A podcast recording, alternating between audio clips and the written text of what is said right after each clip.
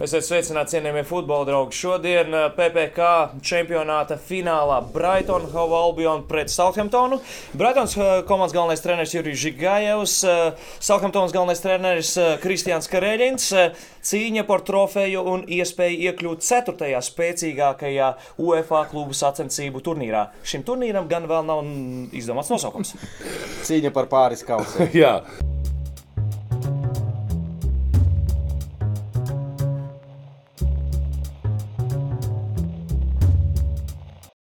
Šovakar pie mums otrdienas vakarā cīņā par pāris kausiem ir uh, bijušais futbolists. Uh, Vēl jau spēlēja. Vēl, vēl jau spēlē esošais futbolists, komunikācijas speciālists, Treneris. žurnālists, treneris un vispār, manuprāt, ļoti cilvēks ar ideāliem. Ilvars Kosenkevičs. Jūra. Čau. Čau. Man jā, jā, jāsit desmit. Kā jums, jums šādi, ja? Ilvars Suliņu šodien. Jā. Uzreiz pasakam. Ļoti, ļoti reti lieto alkoholu. Tieši tā. Pareizi. Uh, Ilvar, Ilvars bija viens no pirmajiem, ko mēs gribējām. Bet tikai, tikai 70. raidījumā. Tā gadās. Kā tur saka latvieši? Labs ar, Labāk, labāk vēl nekā nekad. Nē, labs ar gaidīšanu nāk. Labs nāk ar gaidīšanu. Nāk ar Tā kā ve- labs Silts ar sildīšanu, jā. Jūs turējāt mani pagrabā visu laiku. Jā, mēs turējām pagrabā. Jo visu laiku Ilvaram bija tā, ka. Nu, Džeki, jā, labprāt, katrā laikā, bet padodiet ziņu nu, divas nedēļas pirms tam. Jā, Mēs, Bet tā nu, mēs plānojam tā, ka ir eh, ceturtdienas rakstura raidījuma un pirmdiena tā, fiksi, vajag viesi. Un beidzot, mēs atcerējāmies par Ilvaru laicīgi. Ilvar, daudz eh, šodien pagūglējām, daudz ar tevi ir interviju. Mēs negribam runāt par tām lietām, par kurām jau ir simts reizes runāts, bet es pieļauju, ka vienalga atkārtosies. Nu, kaut kur, kāds. kaut Jā, kur mēs uzkāpsim uz tās stācijas. Ā, Bet uh, sākumā vajag to standarta frāzi, Ilvars un nevis frāzi stāstu, Ilvars un futbols. Kā, tā kāpēc? īso versiju. Īso, jā. Īsā versija ir tāda, ka es sev atceros ļoti maziņu, mazā ciematā Lauterē pie Gaiziņkalna. Tas ir Madonā vai Madonas novadā un gāzbetona siena. Ā, Saimniecības ēka. Es tur viens pats, basketbola veca bumba, kur ir pārplīs apvalks. Skaties mūsu redzējumus par pār, pārtraukt. Es gribēju pateikt, smaga bērnība. Izklausās, bija. Jā, un, un tā bumba bija pa galam, un iekšā ir tāds pūslis så bare skal bare bombe ham. Un to es arī daudzīju par to gazbetonu sienu. Mazs ciemats, maz bērnu, tādi, kas ā, mīl futbolu, vēl mazāk. Tas viens tur arī tā izklaidējos bērnībā. Tur precīzi viens. Ja? Bet pēc tam es ā, mācījos kursus pamatskolā, kas bija maza, bet ļoti sportiska skola netālu no Madonas. Vairāk zina, kā slēpotāju galvaspilsētu vai, vai orientēristu galvaspilsētu Latvijā. Bet uh, bija tā, ka mēs uh, klasē būdam desmit čaļi. Principā pratām visas spēles, vai tas galtenis, šachs, uh, tautas bumbu, volejbols. Pat bez uh, sporta zāles. Mums nebija sporta zāles. Sporta zāle bija tik liela kā šī telpa. Tagad ir. Nu, lai es Tagad uzbūvēja, Ir, jā, bet uh, bērnu vairs nav. Tad bija vairāk bērnu, uh, nepilnīgi 200. Un visas ziemas pavadīja slēpojot. Uh, ārā uh, tāds rūdījums, es teiktu, ir. Bet, uh, protams, pāri visam futbols. Stundas beidzās ārā, laukumā. Es uh, ik pa brīdim, kad aizbraucu uz uh, kusu, paskatos uh, sporta laukumu un esmu pārsteigts, ka tur aug zāle. Mūsu laikā Nu, zāle neaug. tas pats nebija variantu. klasika, klasika, klasika. Nu, garlaicīgi, klišejiski, bet tā tas bija. Šajā laikā mazliet citādi. Tā kā kopš es sev atceros, man ārkārtīgi patika sports, bet futbols vienkārši bija numur viens. Bet kāpēc tev vecāks sporta futbolu skatījās? Vecāki bija diezgan sportiski. Māma spēlēja basīti un slēpoja, bet ne tādā pro līmenī. Bet patīk tā pavadīt laiku. Tēvs nodarboša- nodarbojās ar svarcelšanu, vecākais brālis pēc tam ar svarcelšanu. Vēl jau vairāk, kāpēc futbols? Uh, futbola, futbolista neviena ģimenē nebija.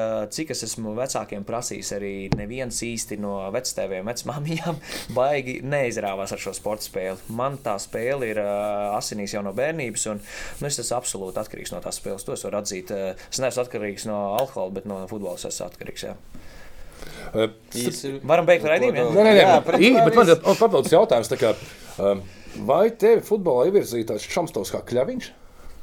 Kļaviņš, Jā. uh, Andris Kļaviņš. Jā. Mans čoms Andris Kļaviņš kļuva 12, 10. klasē, kad aizgāja mācīties Madonas valsts gimnāzijā. Pirms tam mācījās Kustas pamatskolā, mēs nebijām vispār pazīstami. Esmu spēlējis kopā ar Maksimu Daņīlovu, kurš Latvijas futbolā ir manuprāt, pietiekami zināms spēlētājs. Tāpat nu, Aleksandrs Starkovs neesmu kopā spēlējis, bet strādājis ar Starkovu zem viena jumta. Un, un, un Andrejs Gluščuks metā ir un tagad federācijā, un Gins Cimers tikko tika atzīts par labāko Latvijas jauno treneri. Viņš mācījās tajā pašā Kustas pamatskolā, kur es. Tā kā mums tur tāda futbola. Tas kaut kā atgādina ilūksti mazliet. Metā arī ir Raivs Anģāns, Madonietis. Tā kā, nu, var, Mazā vieta. Ja sāktu lasīt, varētu salasīt tos uh, Madonas.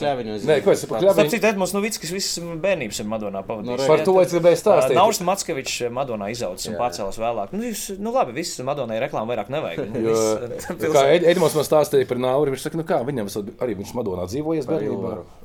Edmunds. Par Nauri? Nē, Edmunds Novickis. Tu saki par Nauri. To tu neklausies. Vienmēr sakot tā, uh, kā man stāstīja Edmunds Novickis, viņš bērnībā arī dzīvojis pavisam maziņš Madonā. Viņam bija čoms, tas pats Andris Kļaviņš. Andris. Puisis, viņš nepazīst Ilvaru, viss kārtībā. Jā. Pēc tam vidusskolā mm. Ilvaram čoms, tas pats Kļaviņš. Ja? Edmunds un Ilvars abi mīl futbolu. Tāpēc man ir jautājums, vai tā bija saistība ar, ar Kļaviņu? Nē, Andris Kļaviņš nav mūsu tēvs. Okay. Vismaz to intrigu es varu okay. atsiet. Nē, tas bija stāsts vienkārši. Mēs Edmundam prasījām, viņš saka, ka interesanti sanāk. Ka... Ļoti interesanti, jā, jo mēs ar Andri eh, joprojām esam eh, labi draugi. Mēs satiekamies ļoti reti, sarakstāmies varbūt ļoti reti, bet eh, Madonā šādi tad es viņu satieku, jo es pats esmu Madonā salīdzinoši reti. Rītdien kā reiz braucu. Mm. Un, un līdz ar to, jā, mēs ģimnāzijas laiku kopā, var teikt, pavadījām. Tam. Tālāk futbols vienā no intervijām teica, ka nu, nebija īsti tādu futbola treniņu ātrs, es tagad pateikšu, un bez žēlastības. Ko, kokains. Koks, tāds nenormāls koks. koks. Nenormāls koks, jā. jā. Uh, Nebija izredzu kaut kur aizskarties Rīgas akadēmijā, kaut kādā komandā. Ne? Domāju, absolūti nē. absolūti ne. Madonā uz nevienu principā neskatījās, lai arī tajā laikā Maksims aizbrauca. Un, ja jāsaka, tad Maksims bija desmit reizes talantīgāks par mani. Tas ir viennozīmīgi. Tad, kad bija Latvija-Igaunija 100 pret 100 Jā. spēle, tas bija, man vēl diploms ir mājās, bet neatceros, kurš gads tas bija. Mm, ap 2000. gadu gadsimtu mīju. Tad mēs ar Maksimu spēlējām Madonas sporta skolā kopā. Viņš bija mazliet jautā, jaunāks, un viņš, spēlēja uzbrukumā. Mēs vinnējām Igaunijas 3 pret 0. Spēlēja pa kreiso smolas aizsargu, kurš gandrīz laikam nekad nespēlēja. Un viņš visus trīs golus arī sasita. Viņš tur izvazāja viņus visus visādos virzienos, viņš bija ļoti, ļoti talantīgs. Man šķiet, ka viņam mazliet mugura varbūt sastrēkojumi. Tas bija tas garš, viņam viņš, parasti ar muguru problēmas. Viņam dieviņš bija iedevis futbola dotības, un Madonā bija vēl vairāki čaļi, arī tajā pašā kustas pamatskolā bija čaļi. Un kas es varu izstāstīt ļoti interesantu stāstu. Mēs ar kad strādāju Futbola federācijā un ar, biju ar Latvijas U21 izlasi. Jā, Šķiet, tā bija Skotija. Un mēs ar Dainu Kazakēviču runājām.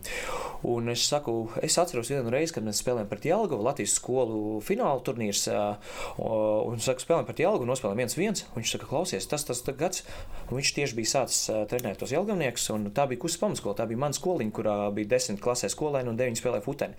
Un mēs tikām fināla turnīrā, un mēs viens viens nospēlējām. Viņš atcerās, ka es arī atceros to, ka Jelgavnieki bija divreiz garāki vispār mums. Mēs bijām maziņi, riktīgi, bet riktīgi žiperīgi. Un to arī Dainis ļoti labi atcerējās. Viņš domāja, nu, kur tā skola, kas pirmo reizi dzird kaut ko tādu, uz pamatskola, kā viņi spēlē. Un mēs, mēs bijām, mēs otru vietu, laikam, toreiz debijām, un uh, bijām labi. Un tur bija talantīgi arī puikas. Un Ar, Arnis Ikaunieks, es nezinu, vai viņiem ir saites ar Jānu un Dāvi Ikaunieku, jo viņi arī ir principā daļai no Madonas. Mamma ir no Madonas, Jānis un Dāvi. Okay. Jā, un viņa mamma aizbrauca uz Kuldīgu, un tad pēc mums liepāja viņu. Mm. Bet, principā, mans sports skolotājs ir brālis uh, Ikaunieku mammai.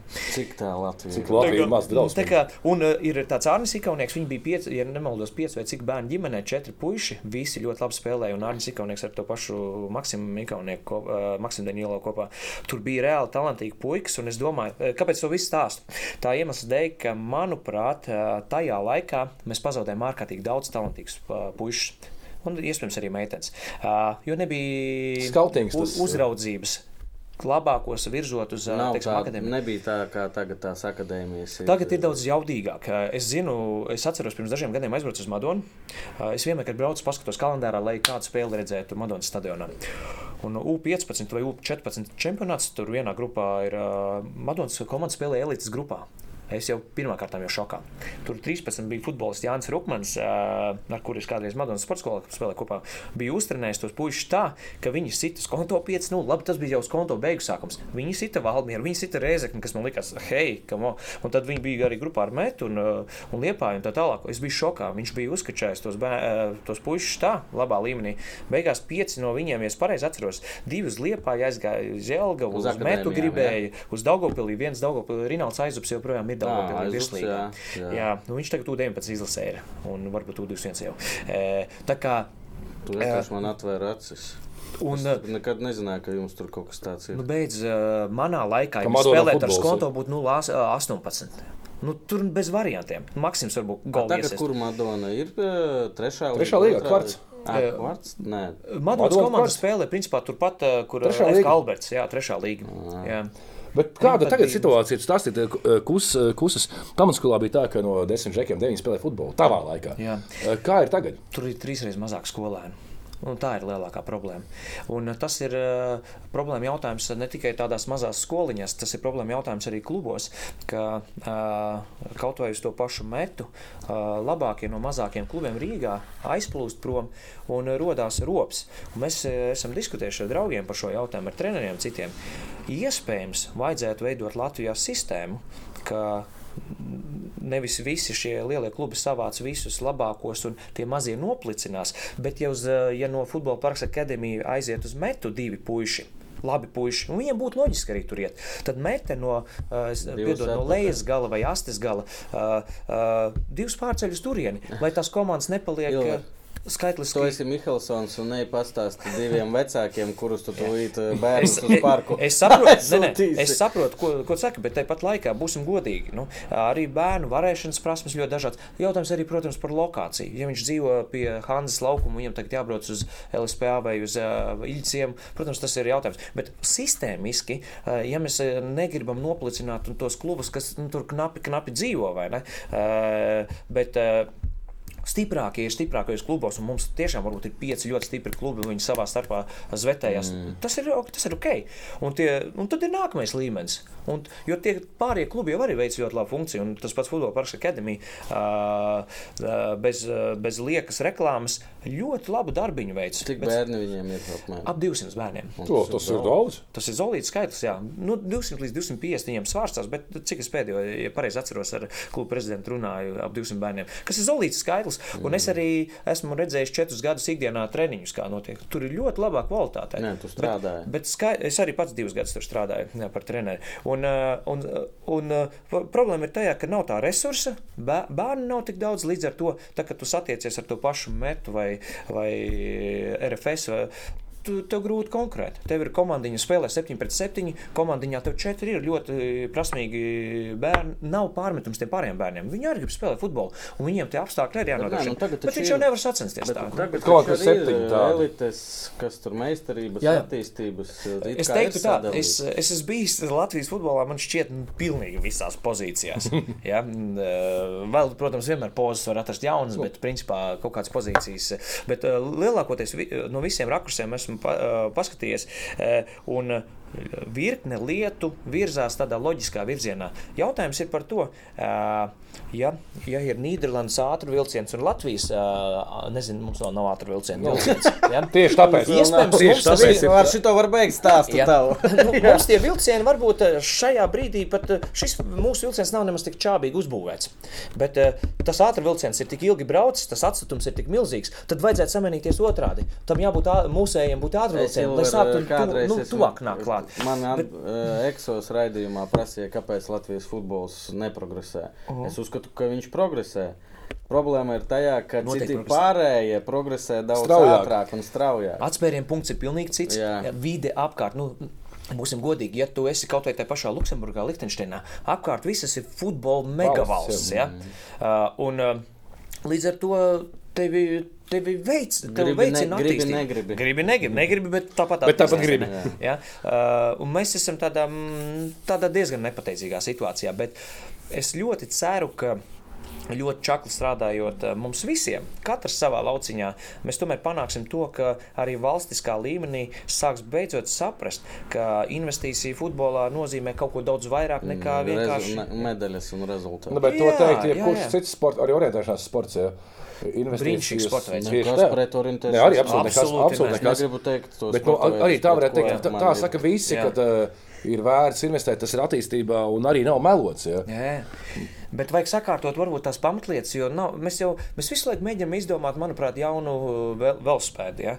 Mums ir naudiņas tik, cik ir. Visu cieņu tiem, kas brauc divatā, viens uz vēdera, uz muguras, pa trasi lejā. Bet jābūt attiecīgi tam, ko mēs varam atļauties. Ja mums par to pašu naudu ir iespēja salikt visos uh, pagalmos, Rīgā, Liepā, Ventspīlī, Madonā, basketbola grozus, es nobalsošu par šo.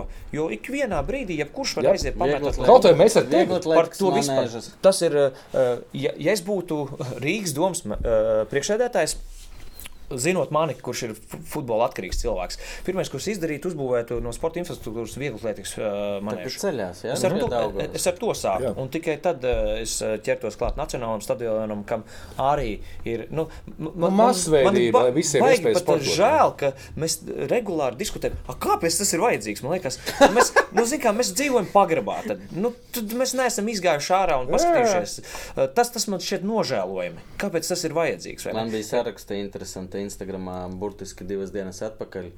Uh, nepazīstu, nu, nepazīstu cilvēku par kaut kādu raidījumu vai par kaut ko sāka runāt, ka viss forši, bet es nevaru saprast, kāpēc mums vajag jaunu futbola stadionu nacionālo, ja mums ir tikko uzcelts Daugavas stadions. Es uzrakstu 60. gads ir, ir rekonstruēts.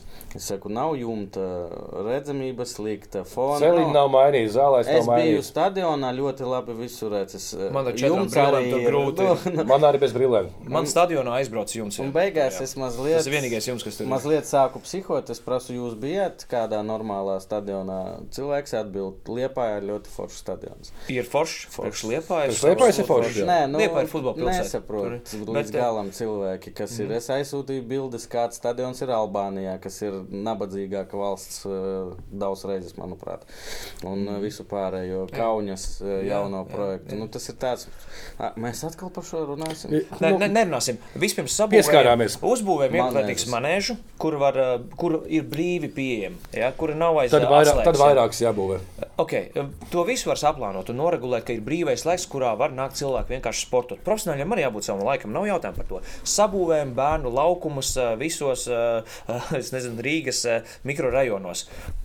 Ja tev ir alternatīva mobilais telefons un ārā ir uh, uh, kangari tavā pagalmā, tad tev ir uh, tikai tev pat nav alternatīvas. Tev ir mobilais telefons. Teiktu, ja tev ir ārā pagalmā, arī 50-50 būs jaunieši. Bet, bet lielāka iespēja. Bet piedod, es aizbraucu Imantā uz to bērnu rotaļlaukumu vai baronu kvartālā, kur man, protams, sirds sāp, ka tur nav futbola laukuma. No, man tagad ļoti patīk, ka es blakus dzīvoju bet, bērniem. Bet forši. fantastiska vieta. Nu, tur tak muģi. Jā. Tur ir pilns vasarā. Tur, un, ja tu tur nav kur mašīnas nolikt. Man, tāpēc, man no Indijiem jābrauc uz turieni. Nu, kāpēc uzbūvē Iļciem? Ā, nopietni, tu, jums tur nekas nav. Nu, jā. nu, tu maziņš nu. laukumiņš, es pat rūbu nevaru pat nošļaukt tur. Kā mēs tā pārgājām uz globālām tēmām, um, tu saprati, ka nebūs futbolists. Ļoti ātri, jā, droši vien. Uh, man pat mazam bija baigais sapnis, ka es būšu basketbolists. Vēl labāk. Bet uh, bas basketbola bumbas ir tā siena. Man vienkārši, nu kā, būsim godīgi, ja tev ir uh, futbola, pat īsti futbola bumbas, man nebija man bērnībā, es daudzīju to basketbola pūsli pret sienu. Un, un, un iedomājieties, spēlēt vienam futbolu pret sienu vai mētāt basketbolu bumbu. Jā, ir interesanti. Piekritīsiet. Tāpēc man basketbols arī ļoti patīk. Bet, bet nu, skaidrs, ka nekonkurē nevienā brīdī īsti nav konkurējis. Skaidrs, ka kaut kādā brīdī es pasapņoju, es zinu, ka man kaut kādā 3. un 4. klasītē uzaicināja uz Madonas sporta skolu. Bet, nu, rēķina 90. gadi, izbraukšana, viss. Katru dienu vajag 20 centīmus. Nu, nebija man 20 centīmi, lai aizbrauktu uz, uz, uz skolas treniņiem, uz Madonas sporta skolas treniņiem. Līdz ar to tā es arī tur savā. 15 km, 13 km no, no miesta. Es arī braucu 12. Pavasarī. Jā, nu, nu, nu redz, nu, tie bija tādi laiki. Es pēc akcijas braucu.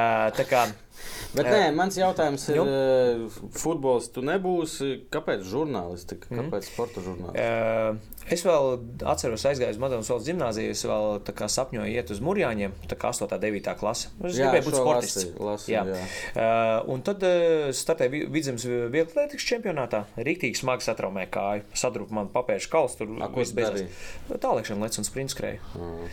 Un, uh, bija labs gadījums pamatskolā. Uh, 8. klases vasarā uz 9. atnāk uz 9. klasi un pārlec pāri tālākšanas bedrē. nu, ļoti tālu aizlūdz vienkārši. Es tev mednieku stāstu. Atvainojiet, atvainojiet. Nu, tu dirzi. Jā. Nē, nu, mums tā bedra bija 4 metri un 20. Tu no augšas lēci kaut ko? Nē, nē, nē. no nu, vienkārši, nu, diezgan tālu senās man aizliegt, jā. Es neceros 5, 70 vai cik man bija. A, ko tu, tu, tu, tu lec, tu lido pāri, tu redzi, ka pāri lido. Nu, un tad tu sabīsties, jo tu piezemējies uz uh, koka malas, jo oh. koka karkas tur bija. Bet stāsts tāds, ka es satraumēju to kāju un gadu biju vispār ārā no ierīnas. Un uh, tā bija 10. uz 11. klasi. Sportot gribās nevar, vai ne uz kruķiem, bet un tad skolotāja Stauģa bija Madonā tāda brīnišķīga skolotāja. Un, viņa saka, klausies, mēs braucam uz lielo balvu, kur pa kliņšu sienu jākāp, tur piepūšamās atrakcijas. Ah, bija tā, tā gimnāzija, man liekas, divreiz finālā tika. Es pat biju rezervistos, bet, nu, es labi ir, ka man neielika pamats sastāvā, es nebūtu par to kliņšu sienu varējis uzkāpt. Tur bija baigi stiprie čaļi, kas, kas to varēja, un dāmas arī. Un, un es braucu un rakstīju. Un tā man sākās. Es sāku Madonas uh, skolas avīzītē rakstīt rakstus par to lielo balvu, pēc tam sāku par Madonas čempionātu futbolā rakstīt, eh, laikrakstam Stars, eh, kas joprojām pastāv. Eh, no... To, to mācīties tā kā. Ja? Un es mācījos gimnājā, un paralēli vienkārši rakstīju, un aizrā, aizrāvos ar to. Un, un principā, kaut kādā 11. klases vidū man bija pilnīgi skaidrs, ka iešu žurnālistiem, man ļoti patīk rakstīt. Un, un tā es arī iestājos Latvijas universitātē, un tā viss tālāk ceļš. Tagad tu raksti? Uh, rakst, rakstus. Jā. Uh, nē, gribās. Uh, gribās, uh, nav absolūti tam laika. Mm. Uh, jā, nu es, es varu teikt, žurnālists, ka esmu bijis uh, ilgi, kopš 2005. gada. Es, es īstenībā, tad, kad atnācu uz Rīgu, otrajā kursā uztaisīju Latvijas studentu basketbola līgas preses dienestu. Es uh, atradu četrus apmēram jauniešus un jaunietes, un es organizēju, viņi gāja uz noteiktām spēlēm, tur RSU, tur RSEB, LU, RTU, un čempionāts notika. Sandijs Baškevits organizēja, nevis Sandijs Buškevits, mm bet mhm. Baškevits. Un, un es vairākus gadus vadīju to dienestu. Un mums bija mājaslapa, ziņas par katru spēli un tā tālāk. Par un, brīvu velti? Jā, tas bija par brīvu velti. Jā. Un, un tad 2005. gadā es mācījos Latvijas Universitātē, jau trešais kurs, man šķiet, vai bija otrais. Vispirms aizgāju praksē uz dienu, un tur mums uzreiz pateica, tur četri žurnālisti sportā ir, tur nav izredzu. Bet es visu laiku gāju uz viņu nodeļu, tur Keisels, Vaiders, Zem, Zembergs un Jirgens. Un tā es tur klauvēju visu laiku. Sākumā rakstīju par kultūru, par gaudījāmus, rakstīju par cietumniekiem, rakstīju par probācijas dienestu. Tas, kurš rakstīja, tas, kurš, tā, kurš brīvs? kurš aiz Ilvara? Principā tā ir virzienā. Principā tā ir virzienā, bet uh, man tik ļoti gribējās tajā sporta nodaļā iekļūt, ka es biju gatavs arī rakstīt par uh, ieslodzītiem, kas tikko. Jā, bet, Ilvar, uh, bet tā bija. Nu, tāds, man bija viens raksts tāds arī. Kad es skolā rakstīju vietējiem reģionālajai presei, Nu, tu domā, nu, ticamāk, tev ir kaut kādas ekspektācijas un sapnis par to, kas ir tā žurnālisti, kur nokļūsi. Ja? Bija, kas bija tas, ka tu nokļuvi tajā lielajā? Nu... Tas bija mans sapnis. Jā, bet tu nokļuvi, bija kaut kas tāds, ka tu Pagaidā, te kaut kā bija savādāk kā nekā es biju iedomājies. Nē, nē, nē. Es uh, rēķinu, es jau varu teikt, trīs gadus mācījos. Tur tas stāsts bija īstenībā mazliet citāds. Pēc pirmā kursa mums atnāca no laikraksta diena. Diena tobrīd bija top uh, medijas. Labākie Latvijas žurnālisti, rakstošie. Tagad nav. Mm, droši vien ir šobrīd žurnāls, ir, ir labākais uh, raksturošais medijs, uh, ja runājam par drukāto. Uh, jo lielākā daļa no dienas maniem kolēģiem aizgāja uz īru, es aizgāju uz sporta avīzi. Uh, bet uh, uh, pēc pirmā kursa aizgājām, bija iespēja praksē iet dienā. Mēs aizējām tur vesels bars, kā 30 cilvēki, jaunie žurnālisti. Un Tēlē ir uzreiz pateicis, zin kā, draugi, būsim godīgi, šeit paliks kādi pieci. Jūs visi varbūt gribat, bet iz, izdzīvo stiprākie. Tā viņi pateica uzreiz. Un mēs to vasaru nomācījāmies, pēc tam uh, tur rakstījām tos rakstījumus. Pārtraukšu, ko nozīmē no šajā prakse? jomā, ne, ne prakse, stiprākie? Kādi ir kriteriji? Uh, nu, tev ir jābūt uh, žurnālistiski izglītotam, tev jāzina, kā rakstīt rakstu, kā rakstīt izklaidējošu rakstu, kā rakstīt ziņu, uh, kā rakstīt uh, stāstu un tā tālāk. Tur, tā, kad tu mācies, tas jau man liekas, nu, tā no malas. Ne? Nu, mums nu. tur izskolē pamatīgi Kārlis Streips, ja tu ziņu uzrakstīji ar savu komentāru iekšā, tā dabūja iekšā, ka mm -hmm, tā kā nemaz neliekās ļoti kvalitatīvi arī bija pasniedzēji. Un, un, tā tad tas ir viens. Otrs. Nu, man teica, es gribēju sporta nodaļā strādāt. Viņa teica, nebūs. Nu, nav tur vietas. Nu, četri, četri ir, jā, viss brīvs. Nu, citi aizgāja mājās. Es aizgāju mm. rakstīt par ieslodzītiem, aizgāju rakstīt par gaudījāmus, staigāju pa skonto hali, kur dejo, dejotāji dejoja uh, 2004. gads varētu būt. Uh, nu, lūk, un es nepadevos, es visu laiku saglabāju to interesi, un tad uh, uh, es atceros, man, man piedāvāja, jo zināju, ka man šī interese ir, man piedāvāja Baltic News Service, bija tāda ziņa aģentūra, līdzīga, kas ir Leta. Uh, BNS. BNS, jā. Uh, un uh, tur es nostrādāju gadu. Dabūju gada labākā reportieru balvu e, pēc pirmā gada, bet mans sapnis bija dienā joprojām strādāt. Un tad 2006. gadā bija konkurss e, uz dienu, un bija arī reizē konkurss uz TV3 sporta ziņu lasītāju. Es aizgāju uz vienu, aizgāju uz otru, dienā bija vairākas kārtas, un es uzvarēju vienu konkursu starptautisku, starptautisku Kalniskā akadēmiju. Un aizbraucu bez maksas divām nedēļām uz Grieķiju, mācīties promptu kustību un tā tālāk. tur no visas pasaules bija. No Kambodžas, no nu, vis, visurienes tur bija cilvēki. Un man zvana, uh, hei, nu, tu esi tā kā uh, uzņemts. Un, uh, un beigās sanāca tā, uh, izstāstīšu. Un beigās sanāca tā, ka es biju vinnējis, uh, TV3 tur bija pāris simtam uz vienu vietu. Wow. Un uh, dienā bija 33, ja nemaldos, uz vienu vietu. Un es uzvarēju tos abus konkursus. Un, un uh, man bija iespēja uz abiem iet, bet es izvēlējos uh, rakstošo. Tas bija mans sapnis, man patīk rakstīt. Man nebija pašmērķis. Es negribēju cilvēku katru vakaru lasot ziņas, apbēdināt, kad es atkal kadrā parādos.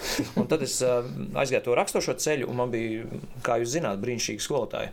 No viņas visiem četriem kungiem bija iespēja daudz mācīties. Nu, tas arī bija vēl papildus tāds mm, atspēriens izglītības virzienā, jo nu, tie bija smagsvari, visi mm -hmm. šie četri dienas žurnālisti.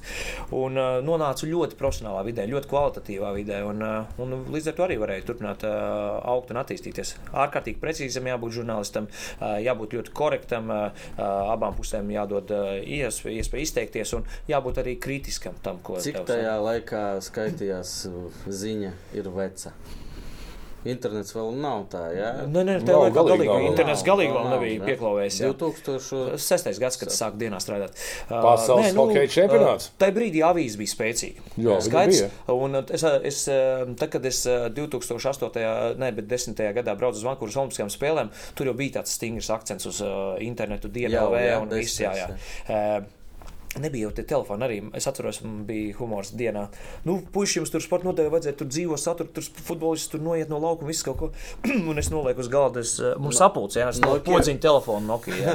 uh, es saku, nu, ok, bet uh, nav man ne prasmes, ne iespējas. Un tā arī palika ar savām podziņām. Es varēju tur taisīt tos visus brīnumus. uh, nu, visam jābūt tad, un tad 2012. gadā, kad biju uh, Londonas Olimpiskajās spēlēs strādāju, tad jau Tad jau bija jau viss jau vairāk uh, elektroniski un tā tālāk. Bet, uh, No žurnālistikas, ja pavisam īsi, kā es raksturotu sporta žurnālistiku, ja tu spēj Olimpiskās spēles izdzīvot, nu, tad, tad tu vari strādāt par sporta žurnālistiku. Kas ir tas nozīmē? Challenge ir tāds, es gandrīz Vankūrā viesnīs nodedzināju, tas ir challenge. Nē, nē, nē vispār. Jā. Nebeidz! Izstāstīšu tūlīt, bet, bet stāsts kāds. Tur bija 7 stundu vai 8 stundu starpība. Tātad tu visu dienu esi trasējis vis kaut kur raksti, interviju un tā tālāk skrien atpakaļ uz viesnīcu, uh, raksti. Uh, Tur ir man 12 vakarā, tur jau Latvijā 7 no rīta gandrīz, vai 2 naktī, un tur 7 no rīta. Nu, kaut kā tā starpība bija. Un uh, tu praktiski negulēsi, tu tur līdz 4, 5 drukā, dod uh, internetam, dod avīzei, dod visam. Un uh, trīs stundas paguli un celies un atkal bliez uz nākamo. Jo, zin, kā, žurnālists viens, uh, mūsu sportists tur 33, vai ne? Un tad tu tur zvetē apkārt uh, pa turieni. Un, uh, nu, un, nē, mēnesis, nē, nu, divas ar pus nedēļas. Ja? Un, uh, nu, jā, ja to tu vari iz, izbaudīt, es atceros, uh, tas bija, jā, tas bija arī Vislerā tieši. Pēdējā vai pirmspēdējā diena. Un, un uh, kolēģis saka, klausies, tad tu zini, mums izrādās ir basēns pirts apakšā viesnīcā. Es pat to nezināju. Un tā aizgājis atpūties kaut vienu dienu tur, zikā. Un pēdējā dienā, man liekas, pēdējā dienā, laikam, iekāpām tajā baļā. Pagā, ko tu nodedzināji? Nu, stāsts bija kāds. Mums katru reizi, kad braucu no trases, Vislerā es atbraucu, tur ir veikaliņš, ieeju, nopērku vistu. Nu, man uh, mikro, mikroviņu krāsas iemet uzsildīt. Es uh, ielieku uzsildīt, uzlieku austiņas, sāku rakstīt. Un vienā brīdī pacēla galvu, dūmi, visa istaba dūmos, un sākās signalizācija. Viss, un, es tam nākamajā dienā es neceru, kurš no žurnālistiem atnāk. Viņi saka, klausies, kas tas ir tā? Es saku, nu, man vakar bija tas, ka istaba, protams, atver vaļā melna, jau sadegusi viss tur. Nu, nu, tur es varu, nu, pat liesmas bija vai nebija, neceros. Uh, nu, bet katrā ziņā tā istabiņa, es tā domāju, uh, tā kā apsardzi pārbaudīt neatskrēja, jo signalizācijas iedegās, bet es visu logus vaļā, visu un tā tālāk, bet, bet tā istabiņa, kas pametu. Viņiem par tevi bija vienalga mēneši tur vēl vienkārši dūmas maka bija. Un otrs eh, tāds humora gadījums bija Londonā. Eh, es atceros, ka bija grūti dabūt Māršu Strombergu, beigā, beigās es viņu dabūju eh, uz interviju. Uh, un, uh, un tā sanāca. Uh, Vislērā es pirmais tiku pie Dukura lielās intervijas. Viņi bija tik izsmelti sportiski, ka viņi vienkārši negribēja nevienu runāt. Ko es arī cilvēcīgi saprotu. Un uh, Strombergs bija Londonā, tas pats stāsts. Tur baigā cīņa bija, lai tik pie tās intervijas. Ne? Un beigās bija, man, man sanāca, ka es intervēju abus šos olimpiskos uh, medaļniekus uh, lielās intervijas, nevis tur trīs teikumu komentāri. Uh, bet uh, stāsts kāds, man Eriks Traustēl brīdī sportavīzē strādāja, kad Londonas bija olimpiskajās spēlēs. Un viņš saka, klausies, Jeļina Rubļa Ļaus, ka viņi arī tur maču nu, uzraksta man. Uh, avīzītē tur rakstu garu, nevajag tur pusotru vai divus tūkstošus, neceros, ir zīmes. Es saku, ok, nav problēma, bet man šis Rombergs vēl jāpaveic. Es tur rakstu, tur uh, viss, zin kā, tā saucamie laika limiti, jeb deadline žargonā. Un es pabeidzu, un man tāds atslābums par jau divu ar pus nedēļas. Tur es nokāpāju, nozatēju pirkstu jau tulznaini. Un es pabeidzu aizēru kompu, visu aizēju līdz. Un tad vēl paralēli man vēl ritēja jautājums, vai es dabūšu biļetes uz noslēguma ceremoniju. Uh, uz kuru ļoti gribējās aiziet. Uh, un, uh, un man atrakstīja, jā, tev biļete būs, tu varēsi tikt iekšā. Un es laimīgi zinu, kā tiek uz to noslēguma ceremoniju. Un es aizēju līdz stadionam, tad Somijas jāatstāja tajās aiz atslēdziņas. Tur iekšā ne, nedrīkstēja, laikam, nest, vai es negribēju nest, neatceros vairs, apakšā stadionā. Un es paceļu telefonu, paskatos telefonu. Eriks man zvanīs tur 11 reizes. Es tam viņam atzinu, klausies, nu labi, mums jau Latvijā viss jau ir uh, tipogrāfija aizgājusi. Uh, tu to rakstu atsūtīji par brīvību. Es pilnīgi pirmo reizi dzīvē, es vispār biju aizmirsis. Viņi pēc tam es atbraucu uz Latvijas skatos, ko viņi tur izdarījuši. Tur milzīgi rubļevs, kas bildi un bildes parakstē. Ne? Raksta, te nav bildi, vienkārši palielināja. Jā, maketē tā jau palielināja. Maketē tā uh, talants bija izglābt situāciju. Man pirmo reizi, laikam, pēdējo tā ir bijis. Ka, bet, nu, tas nogrums arī tur bija tāds. un es biju te slavenajā gan kad Usēns Bolts tur skrēja visiem pa priekšu un 70 metri jau noskriet un uh, jau, jau bremzē, vai ne? Uh, gan arī tas, kur es atceros, sēžu atklāšanas ceremonijā, man liekas, atklāšana tā bija. Sēžu augstu, augstu tajā atklāšanas ceremonijā tribīnē un, un pēkšņi sāk zviegt viss stadions. Es domāju, nu, kas notiek? Zin kā tur 80 tūkstoši vai cik tur tūkstoši bija. Un pēc tam paskatās uz lielu ekrānu, un Mr. Beans tikai vienu taustiņu, ding, ding, ding, ding, ding, ding, ding, ding, ding, jā, nu, un viņam atliek tikai vienu taustiņu, vai ne? Un stulbi paskatīties apkārt, un viss, iedomājieties, ja tev 80 tūkstoši zviedz vienkārši apkārt, kas pat troksni, kas pat, nu, atmosfēra. London. Jā, Londonā, jā, tā bija. Un tas bija, kad es Edu Šīrenu iepazinu pirmo reizi. Lat viņš pēc tam kā zvaigzne kļuva vēlāk, bet viņš bija tieši tur, un Emīlija Sandē tur bija, tur arī caur šo prizmu arī sanāca, teiksim, es pa Edu Šīrenu jau, tā kā man, man ļoti tas mūziķis patika jau 2012. Gadā. Pasauli viņi iepazina droši vien pēc kādiem četriem gadiem, kad viņš tur sāka nākt Es joprojām ne, Nu, es domāju, ka tu esi Olimpisko spēļu pasākumā spēlēt, tu jau esi gana populārs. Rīžīs, jā? Es Jā, jā, jā. Nezinu, ko viņš dzied. Nu, tad eh, es pirmo reizi par viņu uzzināju vispār. Es pēc tam skatījos, man ļoti tā Lego House mm. dziesma iepatikās. Es paskatījos, kas tas ir. Nu, nebija viņš tajā brīdī vispār. Nu, tā kā ne, neko. Viņš bija jauns talants. droši. Viņš bija jauns un tur. Kāpēc zināms. beidzās žurnālistika tev? Eh, Žurnālisti. Pārpirkt tevi? Nē, nē, nē. Pici piesolīja, lai es ar mutī, ja? federācijā sāk strādāt. Nē, es zinu, ka tāds mīts ir, bet tas ir absolūts muļķības. Jo, ir, ir um, Jā, Poļakovs arī. Poļakovs tas pats? Nopirka. nu, nē, nu, Piedod, tas, Ilja. nē, nē, nu, es Ilju arī zinu. Es nezinu, vai viņi nopirka vai ne. bet uh, Ilja ir ļoti sakrīgs un uh, profesionāls cilvēks. Nē, bet ā, kāpēc šis mīts ir? izstāstīšu. E, Kāpēc mīts ir? Cilvēki kritizē Jā. LFF, Jā, jā, jā. Un vēlāk tur aiziet, un skaidrs, ka viņi vairs nekritīs. Nu, tā, nu, federācija skaidrs, ka daudz dabūja no manis iekšā. Jā, tajā laikā, kad es uh, biju aktīvais žurnālists, rakstošajā uh, žurnālistikā. Uh, principā žurnālistika jau man nav beigusies, jo futbola komentēšana tā ir žurnālistika, un uh, tādā ziņā tajā rakursā es joprojām esmu aktīvs. Bet, uh, uh,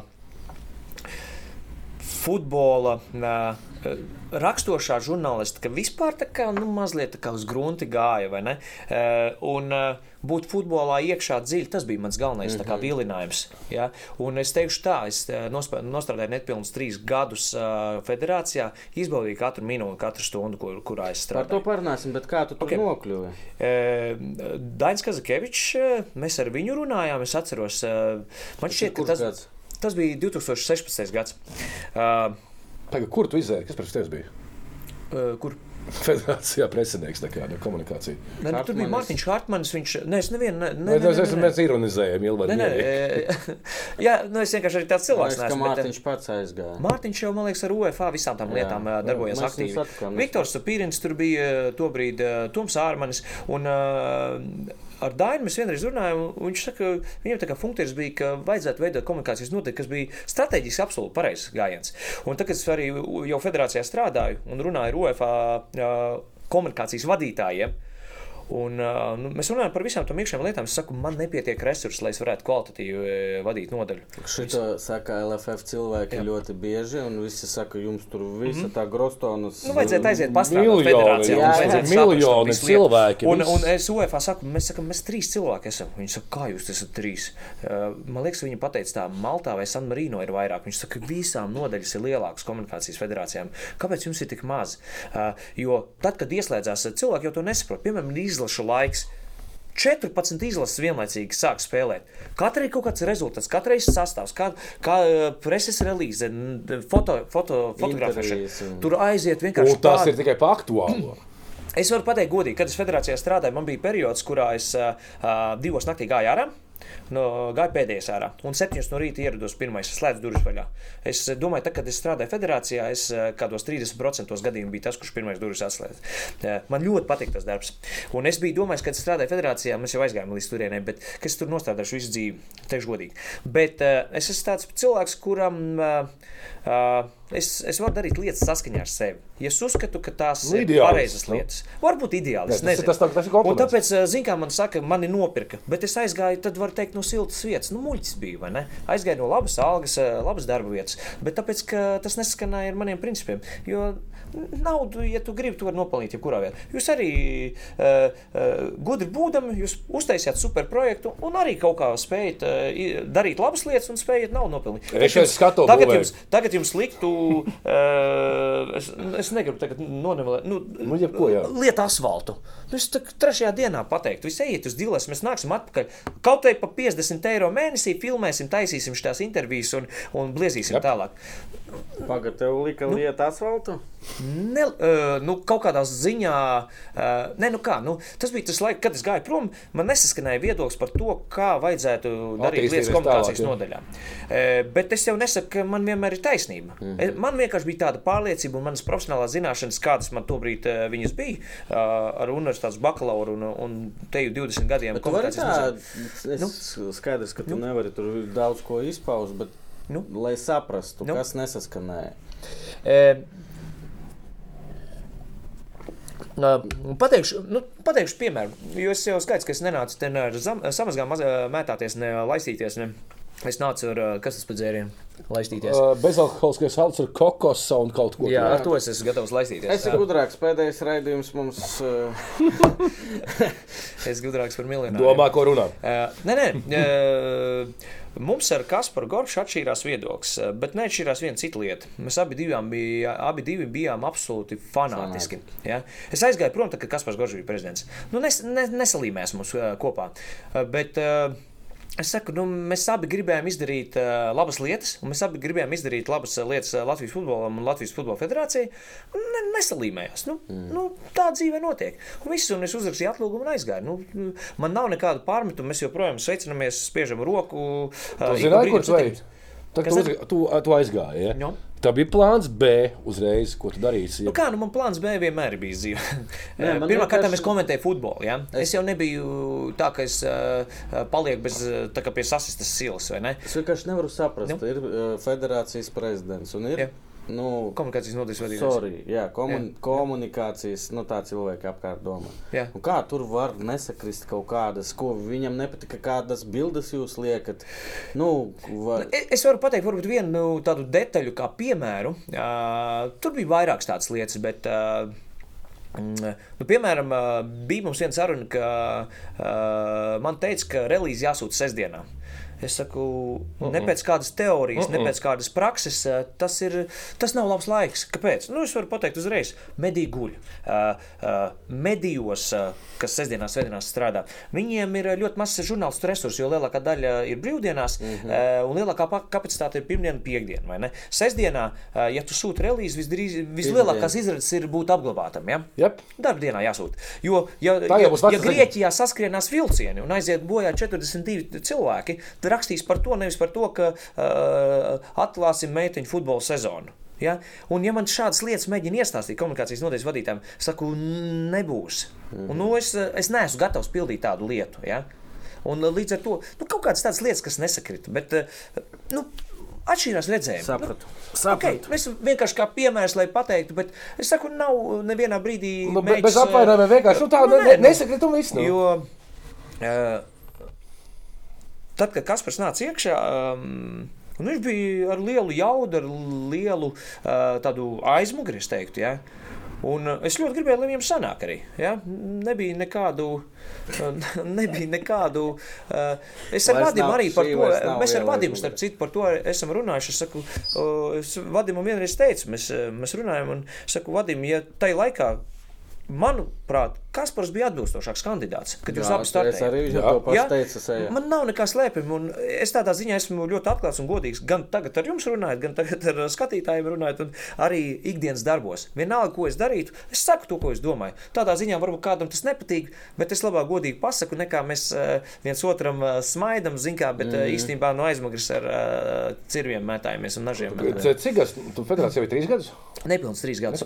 Un, lūk, nu. un man liekas, interesants sarunas ar futbolistiem. Ja? Mm. Par, to, par to komunikāciju. Un tev no viņiem vajag dabūt kaut kādu pirmsvēlas interviju, viedokli, to, to, to. Mm. Un ne visi baigi komunikēt, bet džeki. Ja? Jā. Kā ir strādāt ar sportistiem, kuri baigi negrib runāt, bet no viņa vajag, jo viņš ir zvaigzne? Nu, zvaigzne. Nu, zini, kā, uh, Es esmu intervējis uh, vēl pirms, uh, piemēram, Futbola federācijas Huntelāru vai, vai Luīšu Figu. Vai ne? Nē, tu, tu tikai ne šajā sarakstā. Tu, tu, tu vai es tevi esmu intervējis? Uh, es domāju, ka dienā tos komentārus noteikti ir bijis Jā, no. diezgan pārliecināts. Man visi dienas raksti, man visi raksti, ko es esmu dzīvē uzrakstījis, man ir visi saglabāti. Es varētu atrast kontrolu. F, Ježe. Nu, nu, Kontelārs, jā. Nu, es esmu intervējis gan, nu, teiksim, Ibrahimovičs. Latvijas Zviedrija nospēlēja pirms rupjētiem 15 gadiem, kad bija šeit Rīgā spēle. Mēs bijām vienā grupā Zviedrija, Spānija, tur Eiro 2008, ja nemaldos. Un Lagerbergs, es, es biju iesācējis vispār tajā laikā žurnālists, ka, ja tu esi zolīts, nekāda problēma. Nu kā, visi saka, ka tur iedomīgs, tur Latvijas. Viņiem ir mediju prāti, viņiem mediju māca, viņi zina, kas ir. Es arī zviedru valodu, es zviedriski viņu uzrunāju, es tajā laikā zviedru valodu tīri labi runāju. Un, un, uh, un es viņam saku, hei, žurnālists no Latvijas, vai es uh, varu jums uzdot trīs jautājumus. Latants apstājās, paspieda roku, atbildēs maniem trīs jautājumiem, beidzās saruna. Viņš pats man paspieda roku un aizgāja tālāk. Lagerbergs tieši to pašu. Jā, jā, nekas, es, ka mazgāt. Es, es, es vēl neesmu mazgājis. Ne, ne, nekas, ka mazgāt. Neesmu mazgājis. Starp citu, uz Latanam ir uh, fantastiska grāmata, kas ir drukāta Latvijā, uh, angļu valodā. Uh, Miķels Osis man šo grāmatu uzdāvināja fantastiska grāmata. Liekam, krūtākā vai iespaidīgākā grāmata, kādas es turēju rokā. Uz vāka, ir, kur, uz vāka ir tur, kur viņš guļ gultā jauns. Vai tā ir cita grāmata? Es tādu lasīju. Liela. Es kaut kad man šķiet, pat Twitterī liku, bet nu, atbilstoši Latvijam. Es domāju, nu, Nā, tā ir. Nu, nē, es jā. lasīju viņu gadus 10, 12 atpakaļ. Nē, šī ir jauna. À, Pirms jauna. diviem gadiem kaut kā. Nē, nē, tas šito neesmu lasījis. Nodrukāt, jā. Tā kā, tātad kā atrast Tev jābūt solīdam. Ja, ja tu ej arī, eh, kas man šķiet arī svarīgi, ja ir ja, ārzemju izlase atbraukusi, vai arī Latvijas izlases preskonference, eh, nu, nebūs zolīts šortos aiziet uz preskonferenci. Zolīti būs droši vien kreklā aiziet. Tas arī tās ir būtiskas lietas, kas veido stāstu par žurnālistu, par veidu, kā tu attiecies pret to vairāk, cilvēku, ar kur tu runā. Es tev vairāk gribētu tev pajautāt mm. pēc uh, izlases spēlēm, piemēram, neveiksmīgām. Kā tu domā, pie kā var nākt, pie kā nevajag? Pirmkārt, es uh, skatījos, kuri manuprāt, sabiedrībai ir eh, svarīgākie spēlētāji, lai viņi atbildētu uz kaut kādiem jautājumiem. Mm -hmm. Es neskatījos to, ah, viņš varētu nerunāt. Es teicu, nē, es eh, no tā, tā es nebaidījos un eh, nekad to neignorēju. Es pie, piegāju, man, man ir bijis tā, ka arī, kad federācijā strādāju, es saku, vajadzēs tavu komentāru. Nē, zini, es negribu runāt. Es saku, klausies tādā situācijā, tu nerunāsi, tas, tas diezgan slikti izskatīsies. Uh, vai, četrus jautājumus. Es tev uzdodu četrus teikumus, un viss, un, un, un aiziet. Cik bieži atteica vispār? Nu, praktiski neatceros tā baigi. Uh, neatceros, uh, nē, nu, tā nav. Tā, nav nē. atteikuši nekad tev intervijā. Baigi, nē, nē, neatceros tādu gadījumu īstenībā. Edmunds atcerās. Ja. Es atceros, pat Arčuns, kad aizbrauca Ruņos spēlēt uz. Uh, viņš Ungārijā to bija spēlējis, viņam tīri labi gāja, un tad viņš jau bija Hamburgā, laikam jau pēc tam. Uh, Ungārija, Polija un Tagad es negribu sajaukt. Ungārija, Polija, Vācija. Jā, jā, jā. Un uh, es visos periodos viņu pat varēju sazvanīt. Atceros, viņam zvanīju un, un, un interviju taisīju vēl sporta avīzē, kad uh, jā, strādāju. Uh, arī Arčuns nebija tā, ka sākumā at... var just, ka ir kāds augstāks vai ne. Tā kā, mm -hmm. ja? Bet tā, ka tā, tā, tā nē. Kur ir runīgākie tavā? Runīgākie manā dzīvē? es teiktu tā, ka kopumā futbols nav ļoti runīgi, diemžēl. Ja? Kāpēc tā? Nu, pie katras lietas ir jāstrādā. Un tas sistemātiski ir jābūt. Uh, uh, mediju ēdienkartē, cik tu nonāc. Futbolisti visbiežāk nonāk, tad, kad ir nacionālajā izlasē. Es teiktu, es tomēr gribēju teikt, ka U, U20, U18 hokeisti, manuprāt, nonāk ātrāk. Basketbolisti, ja viņiem U20 tur pasaules čempionāta spēle, viņi nonāk ātrāk. Viņi vairāk, jo, manuprāt, ir laicīgāki, pieraduši mm -hmm. pie tādām lietām. U21 futbolistus, nu, tagad varbūt biežāk sāk intervēt, bet kādreiz, manuprāt, tas bija praktiski vispār tāds, tāds retums. Tas, tā ir viena lieta. Uh, klubos, protams, kā strādā šajā ziņā klubi. Nu, ir progresējuši. Pēdējos uh, astoņos gados noteikti ir ļoti strauji soļi spērt uz priekšu. Mēs, protams, daudzās lietās tālu vēl atpaliekam no visādām lietām, bet daudzās lietās ir ļoti zolīdi arī. Ka klubu ikdienas saturā jau parādās futbolisti un, un arī ne tikai nopietnie materiāli, bet arī tādi hi-hi-ha-ha. Un, uh, jo tas jau ir tā ir daļa, kas uh, cilvēki interesē. Nu, futbols ir izklaide. Nu, grozies kā grib profesionālais sports, bet tā ir izklaide, vai ne? Un tie, kas futbolisti to arī saprot, viņi arī ir tādi, teiksim, atvērtāki, attraktīvāki. Nu, nezinu, nu, nu, Gauračs bija viens no laikam. Gauračs brīnišķīgs bija. Jā, jā, noteikti. Nu, es nezinu, Roberts Savarnieks. Nu, bet es saku, nu, man jebkurš uh, futbolists droši vien tagad piezvanīt, jebkuram piez, uh, piezvanīt un pacelt. Ulrikim arī var uzzvanīt. Kāpēc? Ne? Edmunds nevar. Bet tev ir izgadījies, kāds, kad, uh, piemēram, tu kaut kādu rakstu. Mēs ar Uldriķi lidmašīnā sēdējām, un es viņam teicu, kāpēc Čivāvas nebija ok. Ja? Un ko Askols teica? Ne, es ar Askolu nerunāju. es zinu, es Jā, es nu, ar. Ko viņš teica? Nē, nē, nu viņš uzskata, ka tajā brīdī, nu, ja mēs spēlējam kā čivavus, tad spēlējam kā čivavus. Es saku, tev jāsaprot, ir vēl viena lieta. Ja? Vilki ir futbola federācijas ilgtermiņā plānots brands un stāsts. Un tagad es izstāstīšu, kas ir ļoti svarīgi. Var ierēkt, ka vilki. Ah, tu tur... taču biji pie vilkiem. Nu, ja. Pie sākuma. Nu, es biju, eh, vilku produkts principā bija izdomāts. Es biju federācija tad, kad viņu palaida. Jā. Bet uh, es tā stāstu sākumā nebiju, jo tur ir liela darba un kvalitatīva darba. Renārs Krīgers, Edgars Pukins ieguldīja, gāja pie kursītes un tā tālāk. Tur tās zīmes nav nejaušas. Janīns kursītes, visas tās zīmes un tā tur eh, vēstījums latviskais un viss tas ah, okay. viss kopā. Ja.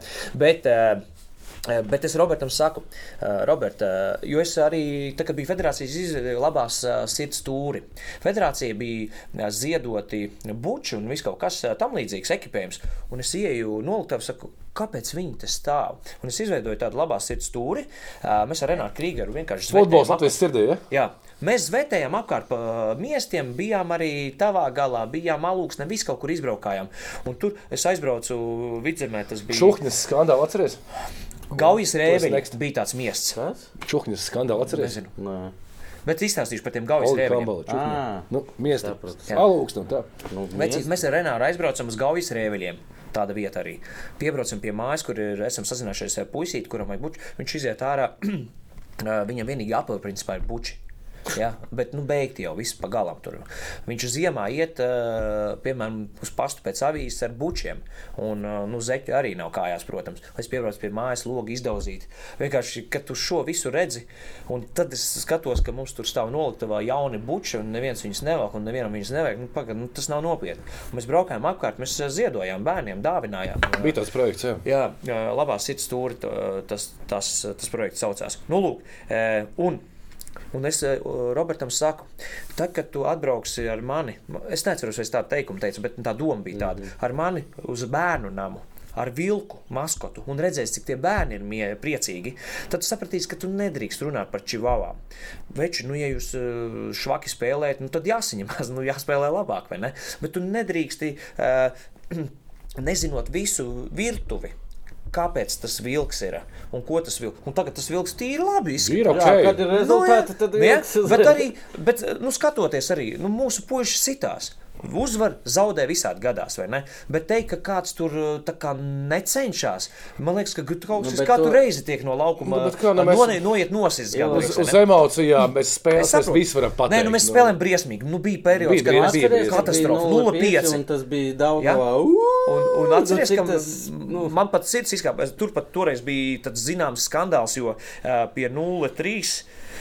Uh, Mēs, es pateicu komunikācijas nodaļas maniem darbiniekiem, par ko es dabūju pēc tam iekšā no žurnālistiem. Es pateicu, nerakstiet Twitterī vairs rezultātu. Jā. Jo tas būs stāsts par to, kā federācija arī uh, uh, vērtē to, kas notiek laukumā.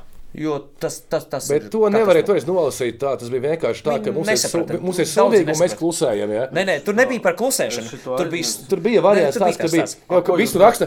Mēģinām viens, nu, zaudējam, divi, un trīs nu, zaudējam. Mēs, mēs principā pret Sloveniju, ja nemaldos, vai Slovākija, Slovenija, Jans Oblaks, nē. Slovenija. Slovenija laikam 0-3 kaut kā 27. minūte. Mēs spēlējam arī katastrofāli. 0-5 beidzās. 0-5 beidzās, bet mēs, mēs bijām zaudējuši jau 15. minūtē, spēli.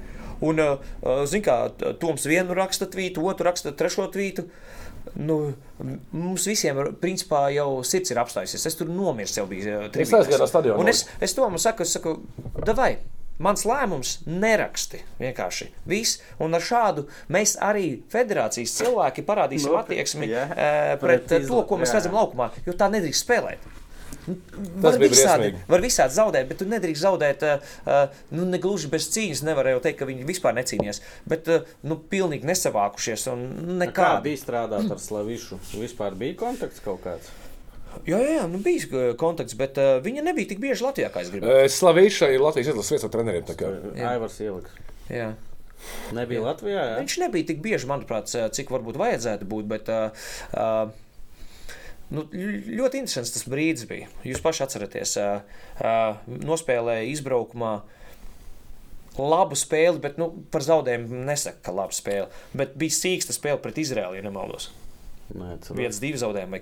Nu, okay. Negribu savus. Iespējams. Un pēc tam mēs Austriju uzvarējām mājās. Nu, Ar otro sastāvu. Jā, var teikt, ka tur otrais vai 62. sastāvs, bet es pēc tam nedēļas nogalē atkal skatos tie čaļi Bundeslīgā spēlē Vācijā. Nu, kāds otrais sastāvs? Eh, ja tu esi izlases rezervists, tu tā kā negribēji, tad tiec laukumā sev pierādīt. Es vienkārši pateicu pēdējā spēlē, jā, jā. ciklā. Un nošies te golu. Jā. Un salauza viņu uzliek kā centra pusē, viņš tur visu iznīcināja. Un austrieši 15 minūtē vairs negribēja viņam tuvoties. Nu, pagad, Tieši saki, tā arī ir jāspēlē. Tu interesanta epizode saki, bija. Kādā ziņā interesanti? Uh, par to Twitteri? Nē, nē, nē Vai... par to par Slavīšu. Ka...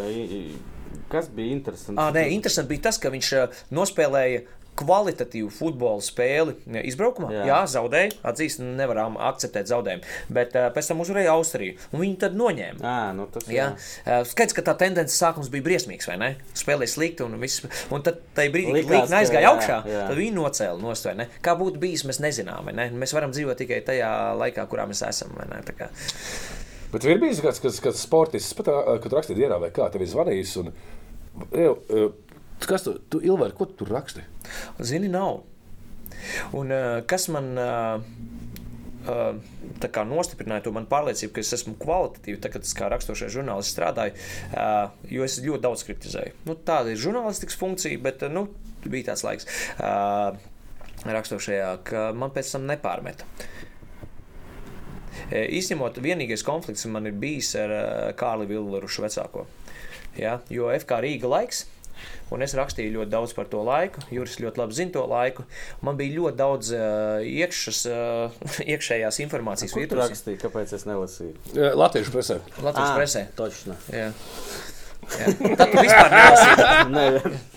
Jā, bet, eh, bet tā bija. Es ļoti daudz man mājās joprojām ir šādas žogas ar veciem līgumiem un tā tālāk. Kurš 2008. 9. gads? Ā, es jau prom. Tā kā mīra viss tur. Tu jau pirmais, biji. Es biju pirmais tu prom. Es pirmais jā. no žurka. Es jau tad biju žurka. jā, nu tas bija. Mums viedokļi nesakrita, bet pēc tam es atceros, bija kaut kāds pēc vairākiem a, gadiem. Ko, ko pastāst, ko viņi tur algas nemaksāja, jā? Jā, jā tur tā sagadījās kaut kā nesanāca viņiem. Jā, tur interesants, interesanti uzņēmumi vēl tur bija iesaistīti un tur viss kaut kas tāds - tur no Slovākijas ūdens, tur viss kaut kas tur bija. Rīgas man, man, man ir, nē, Rīgas ostas tur nebija. Man ir tāds. Tev vēl aizvien ir?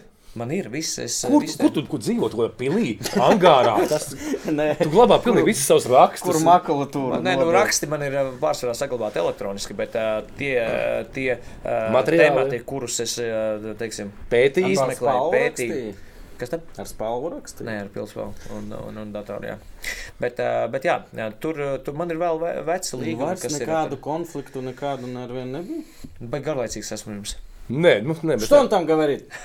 Jā, lūk, что он там говорит? Ilvars ir bijis preses konferencē, kurā ir bijis. Что он там говорит? Ah, tā ir skatītākā, laikam, jā. jā, skatīt, jā skatītākā virslīgas preses konference, jo tā bija spēle, par ko tas bija?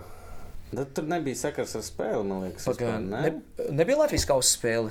Varētu būt. Fināls, pēc fināla. Nē, nu, kurā, kurā uz Ilveru sacepās Tamas Pērtija un teica, šogad varbūt Timotē var, ja? Миг... Что, что? Что он говорит? Что он говорит? Что, кто? Так какая разница? Правильно они делали, играли по счету. Мы сами привезли, они забыли, начали играть по счету. Им даже ничего устраивало. Но мяч у кого был? Что? Что он говорит? Что он говорит? Что он говорит? Что он говорит? Tas uzvilcies, tas bija skaisti. Uh, viņš teica, ka nu, es ļoti kritiski rakstu par skonto un tā tālāk. Ah. Un es uh, viņam atbildēju, ka vajadzētu iepriekšējā avīzi izlasīt, jo tur bija, raksti, tur bija raksts par.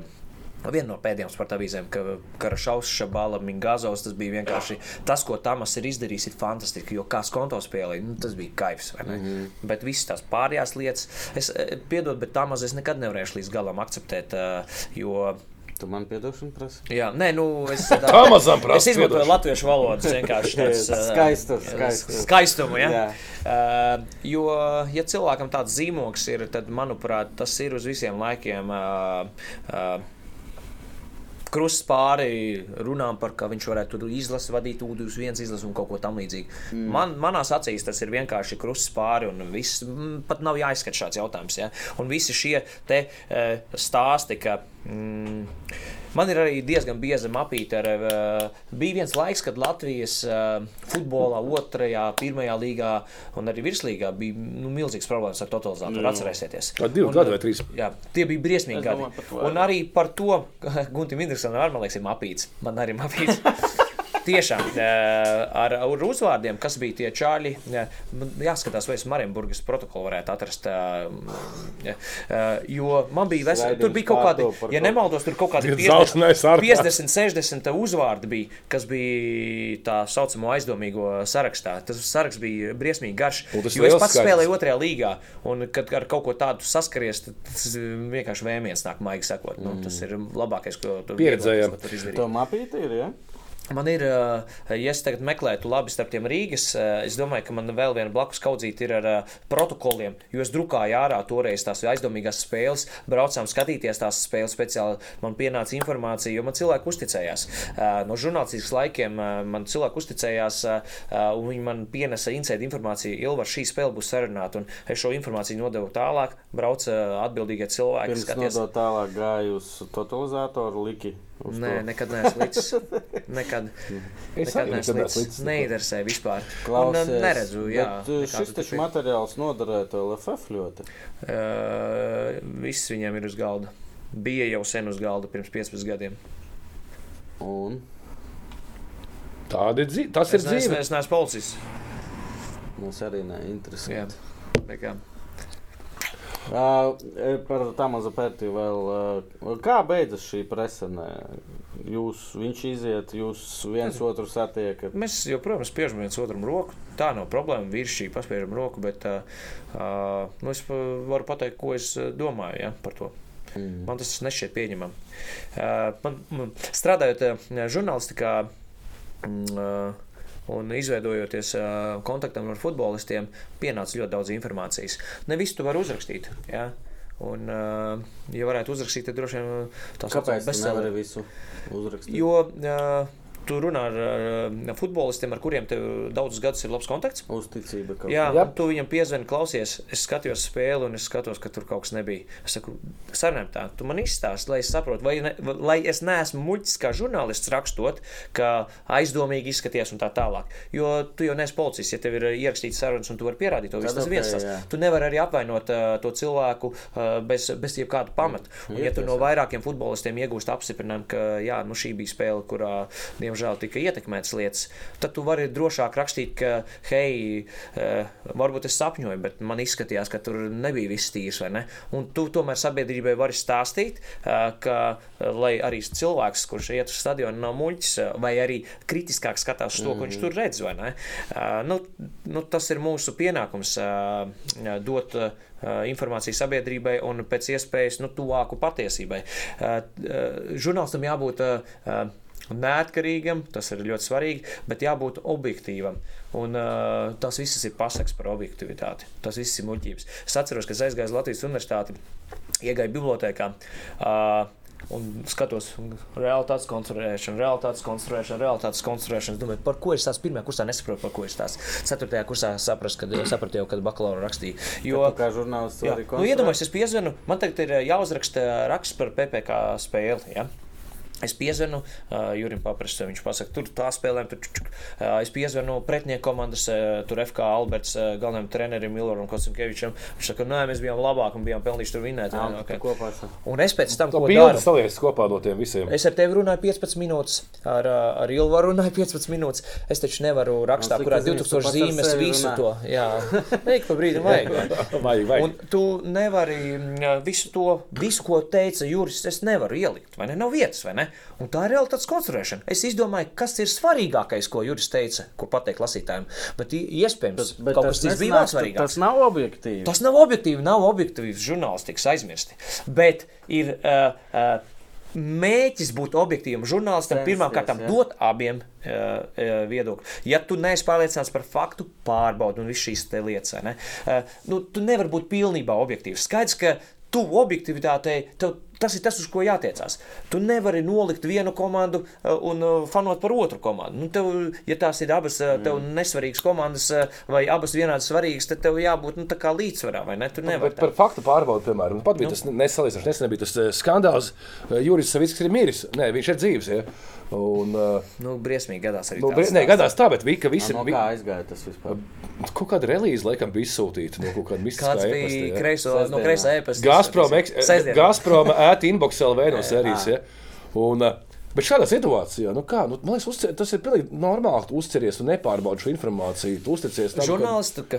un žurnālista profesija pieprasa pārbaudīt informāciju. Ja tu neesi pārbaudījis faktus, tu nedrīkst tos publicēt. Tas nav korekti. Ja? Pāga, pāga. Tu nopietni šos, manuprāt, mūsdienās tagad, nu, vispār ar visiem Twitteriem. Un... Pagaidi, nu, tas ir. Delfis, kas ir žurnālisti? Jautājums, kas ir žurnālistika? Tas ir viens. Vai tā ko tu patērē, ir profesionāla žurnālistika, vai tā, ko tu patērē, ir kvalitatīva žurnālistika. Un tas, kāda tendence ir bijusi, tāpat ir raksturošā žurnālistika un tā tālāk. Nu, teiksim, es esmu saskāries ar jauniem žurnālistiem, kuri grib rakstīt, un žurnālisti. Un tad, kad viņi man atsūta rakstu, man bija arī pašam pieredze sporta avīzē, kad es tur rediģēju un tā tālāk. 140 zīmes? Nē, man atsūta rakstu, un es vienkārši skatos. Un... Pagaidi. Katrs teikums man jālabo. Nu, nu, Labi, tas ir cits nu, stāsts. Bet, jā, nu, jā, bet, bet, bet cilvēki ir beidzot saturu. Bet, bet kā ir? Ja, tu... nu, avīzēs nu. kā ir? Nu, vienmēr esmu gribējis zināt. Nu. Ir korektors. Ja? Protams, ka ir. Nu, pareizā kārtība būtu tāda. Ilvars uzraksta rakstu, korektors? iedodu redaktoram, redaktors Jā. pāriet pāri, paskatās, vai viss ir korekti, vai ir atbilstīgi fakti, vispārējais. Dot korektoram, korektors salabo gramatiku. Ideālā variantā tiek iemaketēts, bilde uzlikta, bildes paraksts, un es kā autors vēl pēdējo reizi iz, apskatos izlasu. Jo kādreiz gadās, ka maketētājs liek, kaut kur burts pazūd, galvot nepazūd, vai, vai korektors izlabo, bet uh, vārdam tev ir cita nozīme bijusi. Un, uh, viņš izlabo kā latviešu pareizi, bet rakstā tas iedod pilnīgi citu nozīmi, un tas vispār sagriež domu. Jo, es tagad sāku domāt, skaties, tu rakstīji, kad nebija interneta. Nu, ne tik sen nebija. Jā mēdī tik populāri un nebija viņu daudz. Un tad nu, tev bija avīze, Jā. kura ir tirāža. Jā. Nu, skaidrs, jo labākā avīze, jo laikam lielāka ir. Tā vajadzētu būt. Ir kaut kāda. Bet, nu, redz, zeltainā presē, no, kur es neuzskatu par žurnālistu. Tā, bet tagad, cits. kas galvenais, par ko skatījumi mums galvenais, klikšķi, ja, kā saka, mm. klikšķu mednieki. Klikšķu mednieki. Jā. Jā, tas, tā, tā ir tāda skarba realitāte, ar ko žurnālists saskarās. Bet uh, vai žurnāls ir, ir klikšķu mednieks? Uh, droši vien, ka arī, bet viņš joprojām kā pašu svarīgāko uh, uzskata maksimāli kvalitatīvu, nedzeltenu žurnālistiku. Es ja? nezinu, es esmu pāris telegramu čatos, tur paņēmu neko labi nesaka. Telegrāfs. Tur daudz zēburtu droši vien. Ja? Jā, daudz. Labi, tāda atkāpe vienkārši melnēs humors. Mums patīk. Uh, ok, tu biji visu laiku šajā rakstošajā žurnālistikā. Jā.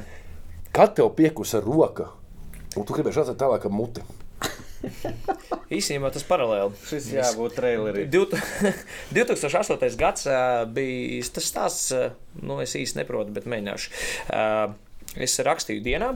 Toms Circens zināja, ka es diezgan labi ķēru Latvijas futbola lauku un vispār futbola lauku. Un viņam bija nepieciešams komentētājs kur FK Rīga atkal spēlēja pret Filkirka komandu. Es pat programmiņu atradu Madonā savos laukos. 2009. gada varētu būt vasara vai 8. 8. gada? 8. 7. gadā viņi bija trešie. Mēs bijām trešie. Jūs bijāt trešie un tika Eirokausas. Jā, viņi spēlēja Lietpājā pret Elvis Filkirka. Ah, vēlāk, Elizabete. Pēc tam, jā. jā. Un, un, un, un, Es tam cirknim saku, es saku, ok, bet man nav nekādas prasmes. Lūdzu, man vēl viens cilvēks klāt, nu, ja Anatolijas Krepāns ir klāts. Kādu TV3 rādīja? E, tu spēli rādīja TV6 vai TV3. Jā, jā. Okay. jā. Nu, protams, e, negribu apgalvot, bet man ir aizdoms, ka arī nesamaksāja arī TV kompānijai par šo pakalpojumu. Futbola klubs Rīga? Jā, es domāju, ka nesmaksāja. Ko tu runā muļķības? Nevar būt, jā. Jauna rubrika rodas, to Rīga parādā. To Rīga ir parādā. Klausies, okay. nu, jā. tu arī mums ir kopīgs kaut kas. Mēs abi sākām ar Anatoliju. E, nu, à, vai nebija? Jā, ne? Un uh, Toms saka, ok, kaut ko sameklēsim, būs tev. Ja? Aizbrauc uz Lietuvu, protams, nebija neviena. ah, vienalga mums ko. Nu, nē, nu, viņš man uh, nepiečakarēja. Vienkārši nu, nebija variantu. Vai nu spēle iet bez komentētāja, kas nebija iespējams. Es, protams, biju pār, pārgatavojis jēgu, man tur 20 lapas, visas tur. Tev 23 gadi. Jā, bija jauns diezgan. Nu, jā. jā. Un uzreiz eiro kausi. Jā, jā, debija bija. Jā. Nu, lūk, un es atceros, pēc, es pēc spēles pieeju pie Toma. Es saku, nu, kā bija. Viņš saka, nu, otrais puslaiks bija labāks par pirmo. Nu. Mēs smējāmies riktīgi. Un, un skaidrs, ka nebija ne tuvu ideāli, bet, uh, bet pēc tam izveidojot viesas par Baltiku, Toms uh, neizmirsa par to reizi. Un, uh, un tad jau nākamās spēles bija ar Anatoliju Kreipānu. Mēs Champions League fināls ierunājām. Kanāls tika veidots, uh, un lai būtu palaižot jauno kanālu viesas par Baltiku saturs kaut kāds. Visus čempionīgas finālus mēs ievinājām, vai diezgan daudzus čempionīgas finālus. Slavenot tur Liverpoolu, Milānu. Un, Komentējāt vecās spēles? Jā, jā, jā. mēs ievinājām vecās spēles, it kā tas tagad notiktu. Wow. Un, un, un, tā, un skaidrs, ka Anatolijas runāja 7 minūtes, es runāju 12 sekundes, atkal viņš 7 minūtes, bet, zin kā, man milzīgs respekts, Nekas un es tur nemainās, sēžu. Ja? es sēžu šāds vai ne, un kaut ko tur, uh, kaut ko tur pierunāju. Atrodas, atrodas, kamēr viņš tas, bija, okay. tas nav pārmetums Anatolijam, tāpēc, ka vienkārši vienkārši nu, viņa zināšanas tajā laikā un manas zināšanas tajā laikā viņas atšķīrās. Un nemaz nerunājot prasmes uh, komentēt spēles. Jo tagad ir tā, ka es, es daudz, ar daudziem cilvēkiem runāju ja, par komentēšanu vispār, nu, kas pa gaumēm. Ja? Mm. Un tad cilvēki ļoti bieži iedalās divās daļās. Ir kreipānisti. Un ir ilvaristi. Ja? Tā ir, jā, īstenībā. es uh, teikšu, godīgi, tu neapvainojies. Lūdzu, man nepatīk, kā Ilvars komentē. Nu, ļoti labi, ka tu esi godīgs. Anatolijas komentē. Kā vispār jūs besī? Tev patīk, kā jūs komentējat? Nē, man eh, numur viens komentēšanā ir. Ārkārtīgs ir labs. Jā, jā, viņš man, ir labs. Jā. Eh, te, es tev teikšu godīgi, mm. pārāk daudz emociju, okay. Anatolijam, pārāk maz emociju. nu, un, bet nav tā, ka Es slēdzu laukā. Vienkārši es saku, ka, ja man prasīja top 3, nogriež skaņu. nē, ja top 3 skaidrs, ka tur jūs uh, abi esat. Vienkārši es ar kādu gribētu šeit izcelt. Ar kādīs ir ļoti labs. Jā, man ļoti, ļoti patīk. Piekrītam. Un tad, kad es uzzināju, ka viņam latviešu valoda nav dzimtā valoda. Tad es biju uz pauzes. Toreiz es biju uz pauzes. Es taču vispār nesaku, ko latviešu nerunāju. Ar kādī ko? Jā, viņš, viņš ir ļoti gudrs cilvēks, kā, un uh, komentē viņš ļoti labi. Bet par šito par, jā, ka ar komentētājiem arī tagad pasaules kausā mm. bija Twitterī, tur visi šitie mm. cepieni. Tu piekrīti tam? Daudz ka... sveicienus es nesaņēmu, gan, laikam, pasaules kausā. Nē, tu piekrīti, ka komentētājs ir kā, nu, kā ar sievietēm, nu, gaumas jautājums, vai ne? Negluži. Kāpēc? Es domāju, Skaties, ka tomēr, es uh, tas ir gaumas kaut kāds jautājums, bet, uh, ja komentētājs ir profesionāls, uh, tad uh, kopumā tev nebūs pretenzija pret viņu. Uh, tu varbūt nespiegs sajūsmā. Nebūs kā, nepatīk. kā skaista sieviete. Ja? Jā. Bet, uh, Labs, šis bija labs. Jā, bet, uh, bet jā, tas, tas ir tāds. Uh, mm, Pirmā priekšplānā joprojām, vai tu kvalitatīvi dari savu darbu, manuprāt, tā ir, tā ir pirmā lieta. Un tāpēc tev var, var nepatikt, es varbūt Anatolijas netik ļoti patīk, bet tev arī, nu, tu, tu beigās saki, tu to turīgs tāpat mums ieliec, tāpēc, ka tev liekas, ka kaut kādas lietas jā, mums tomēr dara kvalitatīvi. Jā, jā. Nu, jā, nu tas ir, uh, bet es pilnīgi piekrītu, ka Arkādijas ir ļoti labi. Es nepareizi pateicu, ka nepatīk. Tas ir Citādāk es vienkārši Jā. salīdzināju trīs mm. cilvēkus. Bet tagad, nu kā, mēs visi komentējam, tas uh, futbola tirgus televīzijā ir ļoti komercializēts. Tādā ziņā, ka ir dažādas kompānijas un katra nopērk savas tiesības uz savu čempionātu, kaut kādu līgu vai tam līdzīgi. Uh, man ir pārsteigums, kad es tevi izdzirdēju pasaules kausā. Jā, tas ir tā nu, interesanti. Esi... Es to uzskatu sev kā komplementu, komplimentu jo uh, arī Eiro 2012, Eiro 2016 un Pasaules kausa 14. Uh, arī tajos uh, es komentēju, lai arī principā, es biju. Kas te? Nē, 18. nebija. 18. nebija, bet uh, tajos pārējos es komentēju un man uzaicināja kā vieskomentētāju. Tā kā nu, es to uztveru kā komplimentu, ja, ka novērtē to darbu, ko es esmu ieguldījis. Uh, komentēt man ļoti patīk. Ieguldu tur ļoti daudz stundas, skatos daudz spēļu, ļoti daudz gatavojos. Man ir sava, nepaņēmu līdzi, bet man ir sava sistēma. Kā es pārmainīju tagad pēdējos divos gados mazliet sistēmu. Jā, jo man bija ļoti daudz lapu. A kāpēc tu publiski nerādi, piemēram, Arkādijas foršu parāda viņam tas vēl rokraksts? Es ik pa brīdim Twitterī, tu man Ielas? vienkārši neseko, varbūt Sekoju. tu latviešu valodā nelasi. Sākās. jā, bet par Twitteru runājot. Nē, nē, nu labi, tas jau vecs joks. Jā. Iesit viņam vājāks jā, sitiens jā.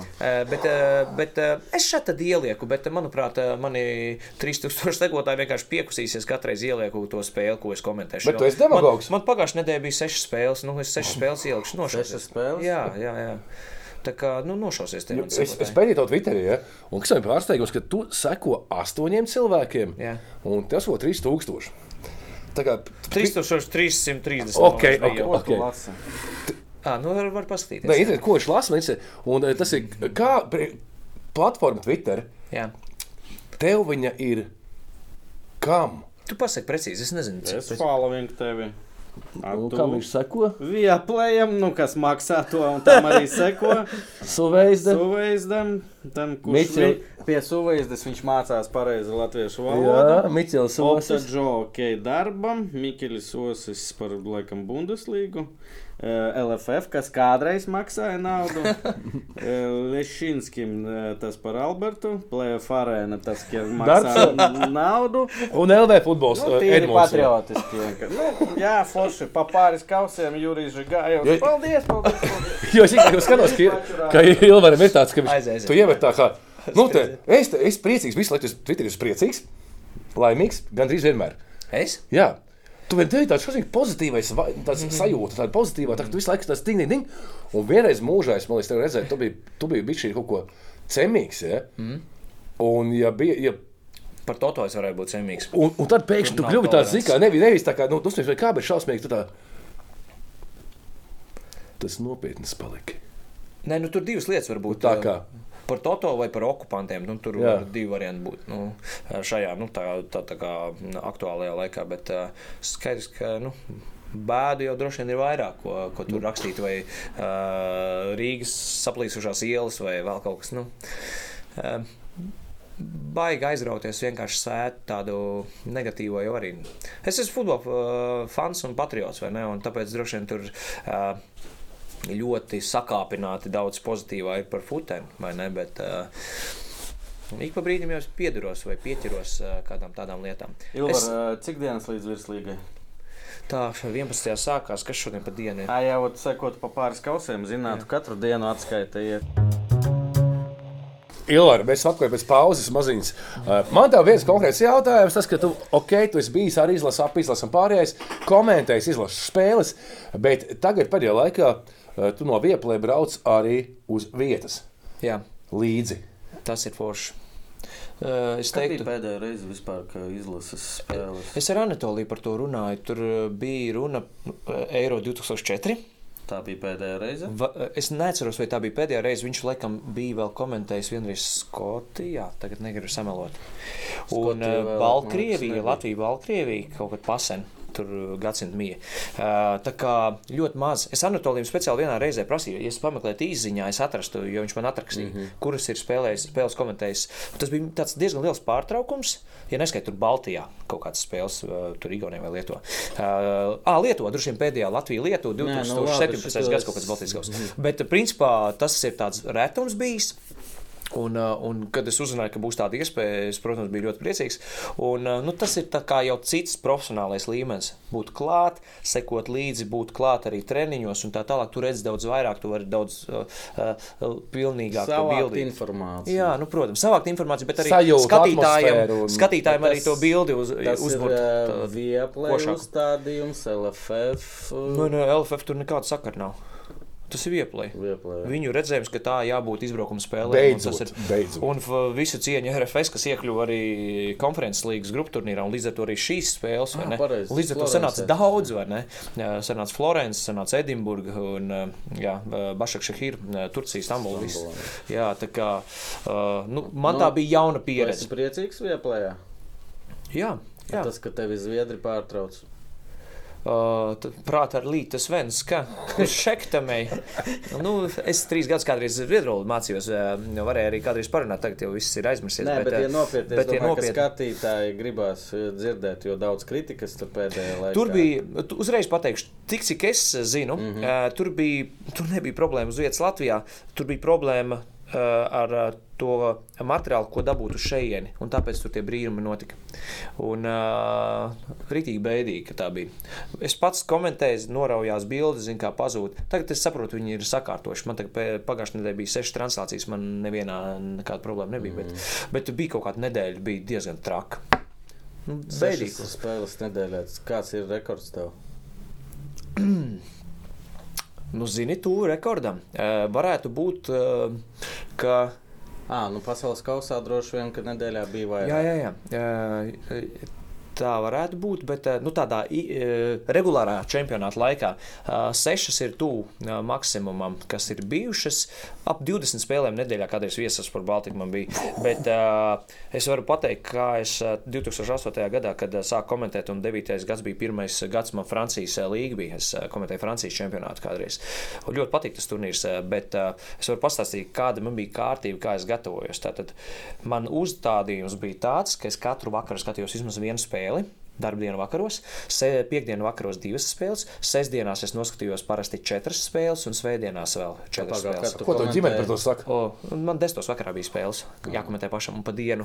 Uh, nu, uh, tagad mēs varam parunāt par sponsoriem. Mani galvenie sponsori ir mani sieviņas armīte, uh, mani bērni Samanta un Gatis, kas to akceptē. Jo... Ah, skaties, atcerās vārdus. Grafiks. Tad, tad labi. Tad vēl labi, tad viņš vēl nav zudis bet, bet, ja nopietni skaidrs, Es varbūt reti es teicu, paldies tā publiski, vai ne, ko, ko man sieviņa ir pelnījusi, bet ja, ja dzīves biedrs neakceptē tādu, tas nav iespējams. Tas pats kā profesionālam futbolistam, ja tev sieva visu laiku ir uh, uh, dusmīga par to, ka tu nodarbojies ar futbolu, nāc mājās un tev tas režīms ir pilnīgi nu, tāds nekāds, nu, tev droši vien arī laukumā ne viss tā baigi mm. labi izdosies?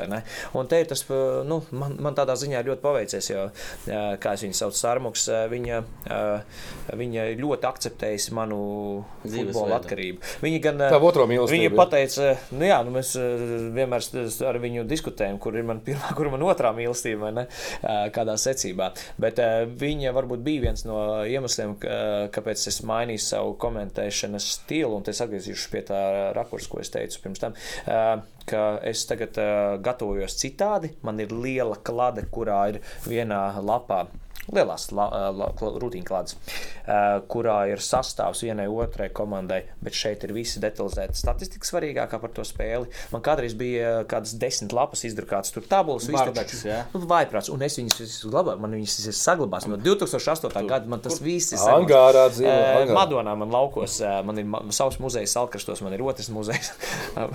un, uh, es, ne, ne, es saprotu, uh, bet uh, čaļi saprotiet vienu lietu. Es esmu tur ieguldījis tik daudz spēka, enerģijas un laika. Es mm. nespēju izmest ārā. Nu, jā, jā. Nu, es vienkārši nespēju.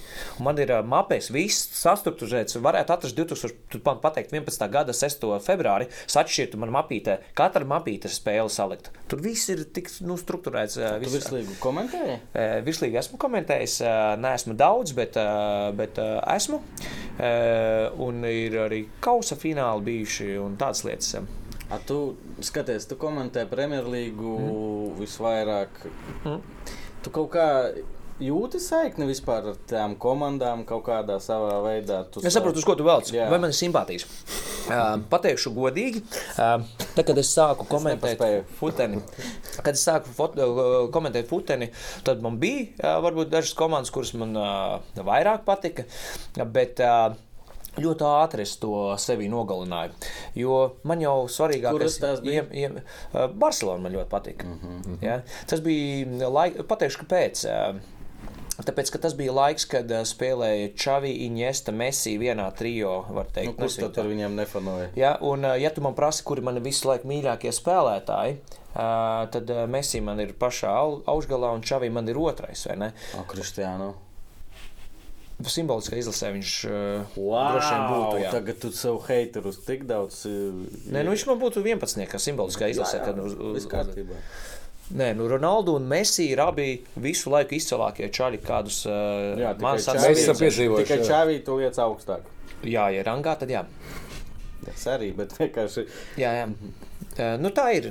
Skaidrs, ka man mazliet traucē tas, ka viņš ir ļoti āršķirīgs. Man nepatīk tādas lietas. Mm -hmm. Bet es zinu arī to, ka viņš ļoti daudz labdarībā dod naudu un tā tālāk. Viņš mm. ļoti daudz ko ir labi Dar, darījis. Darījis labu.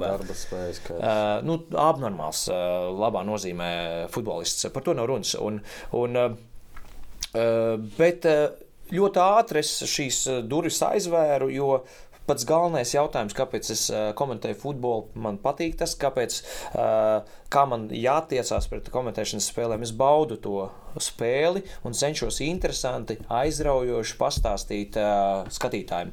Un tāpēc man, tu saki, tev varbūt traucē, ka pa daudz emocionāli, bet es nekad nevaru akceptēt, ja piektajā minūtē iemiegu. Nu, man šķiet, tas nav pareizi. Tas nav. Man, uh, Man ir sava uh, struktūra, kā es strādāju ar balsi, kas notiek tajā brīdī laukumā, lai radītu uh, intrigu vai radītu to kulminācijas brīdi, kad ir sitiens, lai skatītājs zinātu, ka tas ir tas, nu, tā kā šābrīd. Jāpacās uz teļu. Ja darbojās virtuvē, varētu apskatīties, kas tur notiek. Virtuvē viņam ir televizors.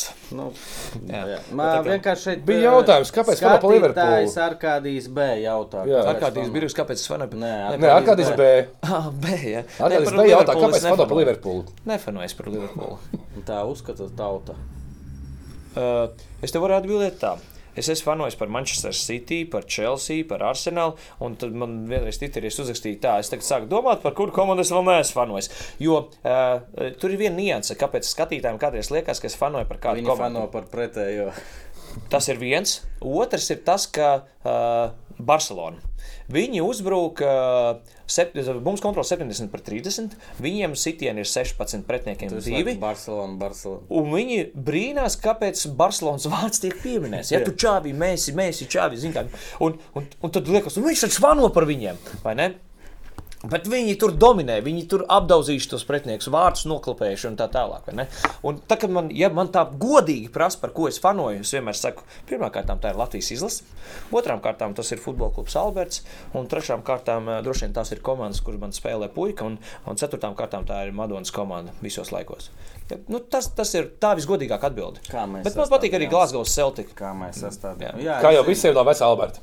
Jā. Nu, tā ir Lisabonas sportiņa. Bet vēl viena lieta, Ilveram, ir tā, ko, ar ko tu esi iegājis Latvijas futbola vēsturē pēdējā gada laikā, pat, pat senāk jau. Uh, kad uh, stadionā tribīnēs skan saules Putina Huilo, tu Man, Iepauzē. man ir jāpadzerās kādā brīdī komentētājiem, balss saits kļūst sausas. Es padzeros. Uh, man patīk laba mūzika. Tieši tā. Un Ilvars ir seju. nu, tur varētu filmēt droši vien visādas stāstus, Tāds... tiktokus un visādas brīnumus. Ai, tas klusums, tas dzirdat? Protams, tas ir tāds dziļs sāpju iekšā. Nu, protams, visu, ne? bet, bet nu, ja, ja, tādā ziņā visu cieņu Latvijas futbola līdzstājiem, kas rada troksni, tas varbūt pat nav labi teikt, kas rada kvalitatīvu stadionu atmosfēru. Viņi pacenšas.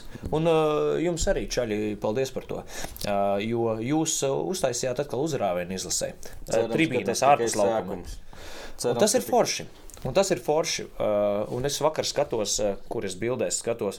Jums ir arī jūsu uh, komandas treniņš, un tur fani ar. Uh, Pirmais treniņš jau bija. Nu, fantastiski. Nu, tas, nu, bet tam jau mēs dzīvojam, vai ne? Un es, piemēram, uh, es varu kaifot arī par. Uh, Belenenses un uh, vienalga Valēs komandu dueli.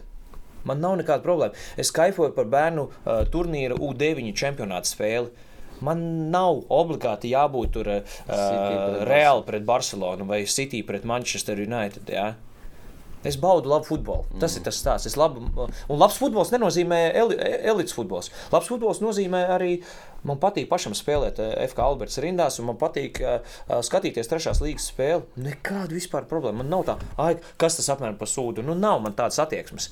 Tie, katrs ir savā līmenī, un viņi cenšas cik vien var un spēlē futbolu. Savi stāsti, savas. Uh... Protams. Un jūs esat uh, ar savu projektu parādījuši, un es uzskatu, ka mēs ar Albertu arī esam izstāstījuši stāstu, ka var būt citādi.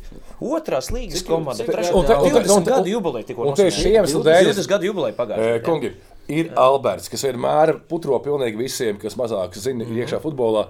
Ir, ir Alberts, kas ir Pulka Alberts, Zenko Alberts. Jā, Alberts. Un ir FK Alberts, kas ir par veco Albertu. Jā. Jā, Īsā versija ir tāda, ka 2001. gadā tika dibināts FK Alberts, 2007. gadā no FK Alberta atdalījās kā, jaunatnes daļa un izveidojās Juridocenko futbola skola Alberts. Un FK Alberts vienmēr tautā sauktas par veco Albertu, turpināja savu dzīvi. Nav nekāda konflikta, vienkārši atšķīrās redzējums klubā cilvēkiem, kā vajag attī, uh, iet tālāk, attīstīties uh, vai kā darīt lietas. Un, un, un, un ir ok, divi forši Alberti Latvijas futbolā. Katram savs Bet, e, e, ve, vecais Alberts ir jaunie, jaunie, nāk iekšā tā kā. Nu, nenāk ļoti iekšā. Jo man ir iespējas, ka tur tāda, tāda, nu, ve, tāda brigāde veco džeku, kas maus. Vecais. Alberts ir ar savu rokrakstu, ar savu pārliecību, ar, savu, ar savām arī uh, prasībām. Ja? Uh, un, uh, nu, ja jauni latviešu puikas nav gatavi uh, spēlēt futeni uh, Albertā, uh, apmeklēt regulāri treniņus, paši arī samaksāt par uh, laukumu un par tiesnešiem un benzīnu ieliet, nu, tad, tad neko, nu, tad spēlē vecais Alberts. Jo man ir sajūta, ka vecais Alberts tas ir džentlmeņa klubs. Kāpēc gan ne? Nu, tā, ka... Bet nav bažas, ka nu, beigsies. Nu, tu ne, man tu vēl man ir bažas. Desmit... Es esmu jaunākais Alberts spēlētājs. Ah, tu esi jaunākais? Gan drīz, jā, es smējos, es esmu Alberts jaunākais. Nu, tur pār pieci čaļiem ir. Jā. Uh, skaidrs, ka man ir bažas, un uh, man tas būtu ļoti, ļoti skumīgi, jo klubs ir uh, ar tādu nu, ļoti spēcīga rokraksta, manuprāt, ar spēcīgu stāstu par latviešiem, kur arī prot spēlēt futbolu, kur arī mīl futbolu. Jo ilgu laiku bija tas mīts, ka tas ir Krievijas sporta veids, mm -hmm. bet nu, patiesībā jau nekā tam līdzīga. Nu, viņš jau nav piesiets tautībai. Yeah. Latvijā vienkārši tā sadursme tur bija kaut kādu laiku veidojās, tagad eh, tas viss arī ļoti kardināli mainās. Ļoti daudz uh, latviešu tiešām nu, jau dominē. Jau, dominē, dominē. Bet ne, nestāst par to. Mums ir savs redzējums, mēs, uh, mums ir latviešu klubs uh, ar latviskām vērtībām vērtībām un, un, un uh, latviešu tradīcijām, visām tām lietām. Un un mēs... Kur jūs spēlējat? Šobrīd trešajā līgā. Un Vidzem, kur mājas spēles? Nu, kā kur reiz, vai Salas pilsēta, vai 49. Mēs esam Cārnikavā diezgan ilgi spēlējuši, tad tur ir rekonstrukcijas un tā tālāk. Pačakojiet. Uh, uh, Vecmilgrāvī, uh, Šeibeļa, uh, Vecā. Alberts, Alberts arī vēl. Jā, jā, jā. jā. Tur, Nu, tā. Iedzeram mūsu garšīgās limonādes, uh, limonādes un uh, novēlam Albertam nepazust un ilgu mūžu. Jā. Ilgu mūžu Vecajam. Jā. Pirms mēs parunājam par vienu futbola foršu vietu Rīgā, kas mums šogad uh, arī palīdzēja. Jā. Jā, gatavoties trešajai līgas sezonai. Es mm. tev vispirms ar tevi sāksim. No, nu, dāvanu laiks, jā, dāvanu laiks. laiks. Ne, nu, sāksim, lai būtu tā solīdi. Esmu atnācis pie PPC ģimenes galviņām. Oi, un, tāpēc es uh, ar īpašu ierakstu jums uh, atnesu grāmatu. Uh, grāmata ir jau ar, ar bārdu. Ar četru gadu ilgu stāstu. Varbūt īsts stāsts. Mm -hmm. Es viņu zinu, bet varbūt skatītāji mm -hmm. nezinu. Tā tad tās ir manas dzēpārdomas. Es rakstu no kādas septītās klases. Par dzējoļiem es tos nesaucu, un par dzēju to nesaucu tā iemesla dēļ, ka, manuprāt, vienā plauktā ar ziedoni, ar čaku, ar veidembaumu, ar vērdiņu, nu, laikam jau nav korekti. Ja? Lai arī es braucu uz uh, spēli Liepājām, tas bija arī tā interesanti. Un es aizbraucu uz Jāņa Rozes grāmatnīcu. Uh, jo zinu, ka grāmatnīcā tiek pārdotas manas grāmatiņas, un, un, un es eju un meklēju, un nevaru atrast. Kā, nu, Izpirktas? Nu, skatos, uh, to izstāstīšu. Skatos apakšā, nu nav nekur tur, tur kīvičs apakšā. Tas eju uz augšu, un nav. Eju, eju, un tad paceļ galvu. Imants Ziedonis un Ilvars. Blakus abas salikts. Wow. Es, biju, es apsēdos goda vārds. Man kaut kur tā fotografija. Nobildēja. Tas man bija tā, es nofočēju, reāli nofočēju. Man tas bija tā, o, oh, yeah, ok. Jo parasti augstumā liek, nu, tās, kuras nu, jā, jā, pārdot visvairāk, jā. vai grib pārdot visvairāk un tā tālāk. Bet uh, neko es Andrim slikti negribu teikt. Vienkārši, nu, tā, man tas tā vienkārši Cik tirāža bija? 500, 500 grāmatiņas. Stāsts ir tāds, ka Uh, nakts, divi naktī, es kaut ko čubinos ar futbolu, kārtībā reizi, es pat vairs neceros šīs detaļas. Un uh, Twitterī ieraudzīju Rudolfu stāstu, kur viņš brauc uz rehabilitāciju Slovākijā. Viņu astoņu gadu vecumā, viņš ir futbolists, bija uh, Salprastos. Viņus gāja pārējais uh, policists notriec. Un, Nu, parasti tas ir smigā, kā, not, neatbildēšu.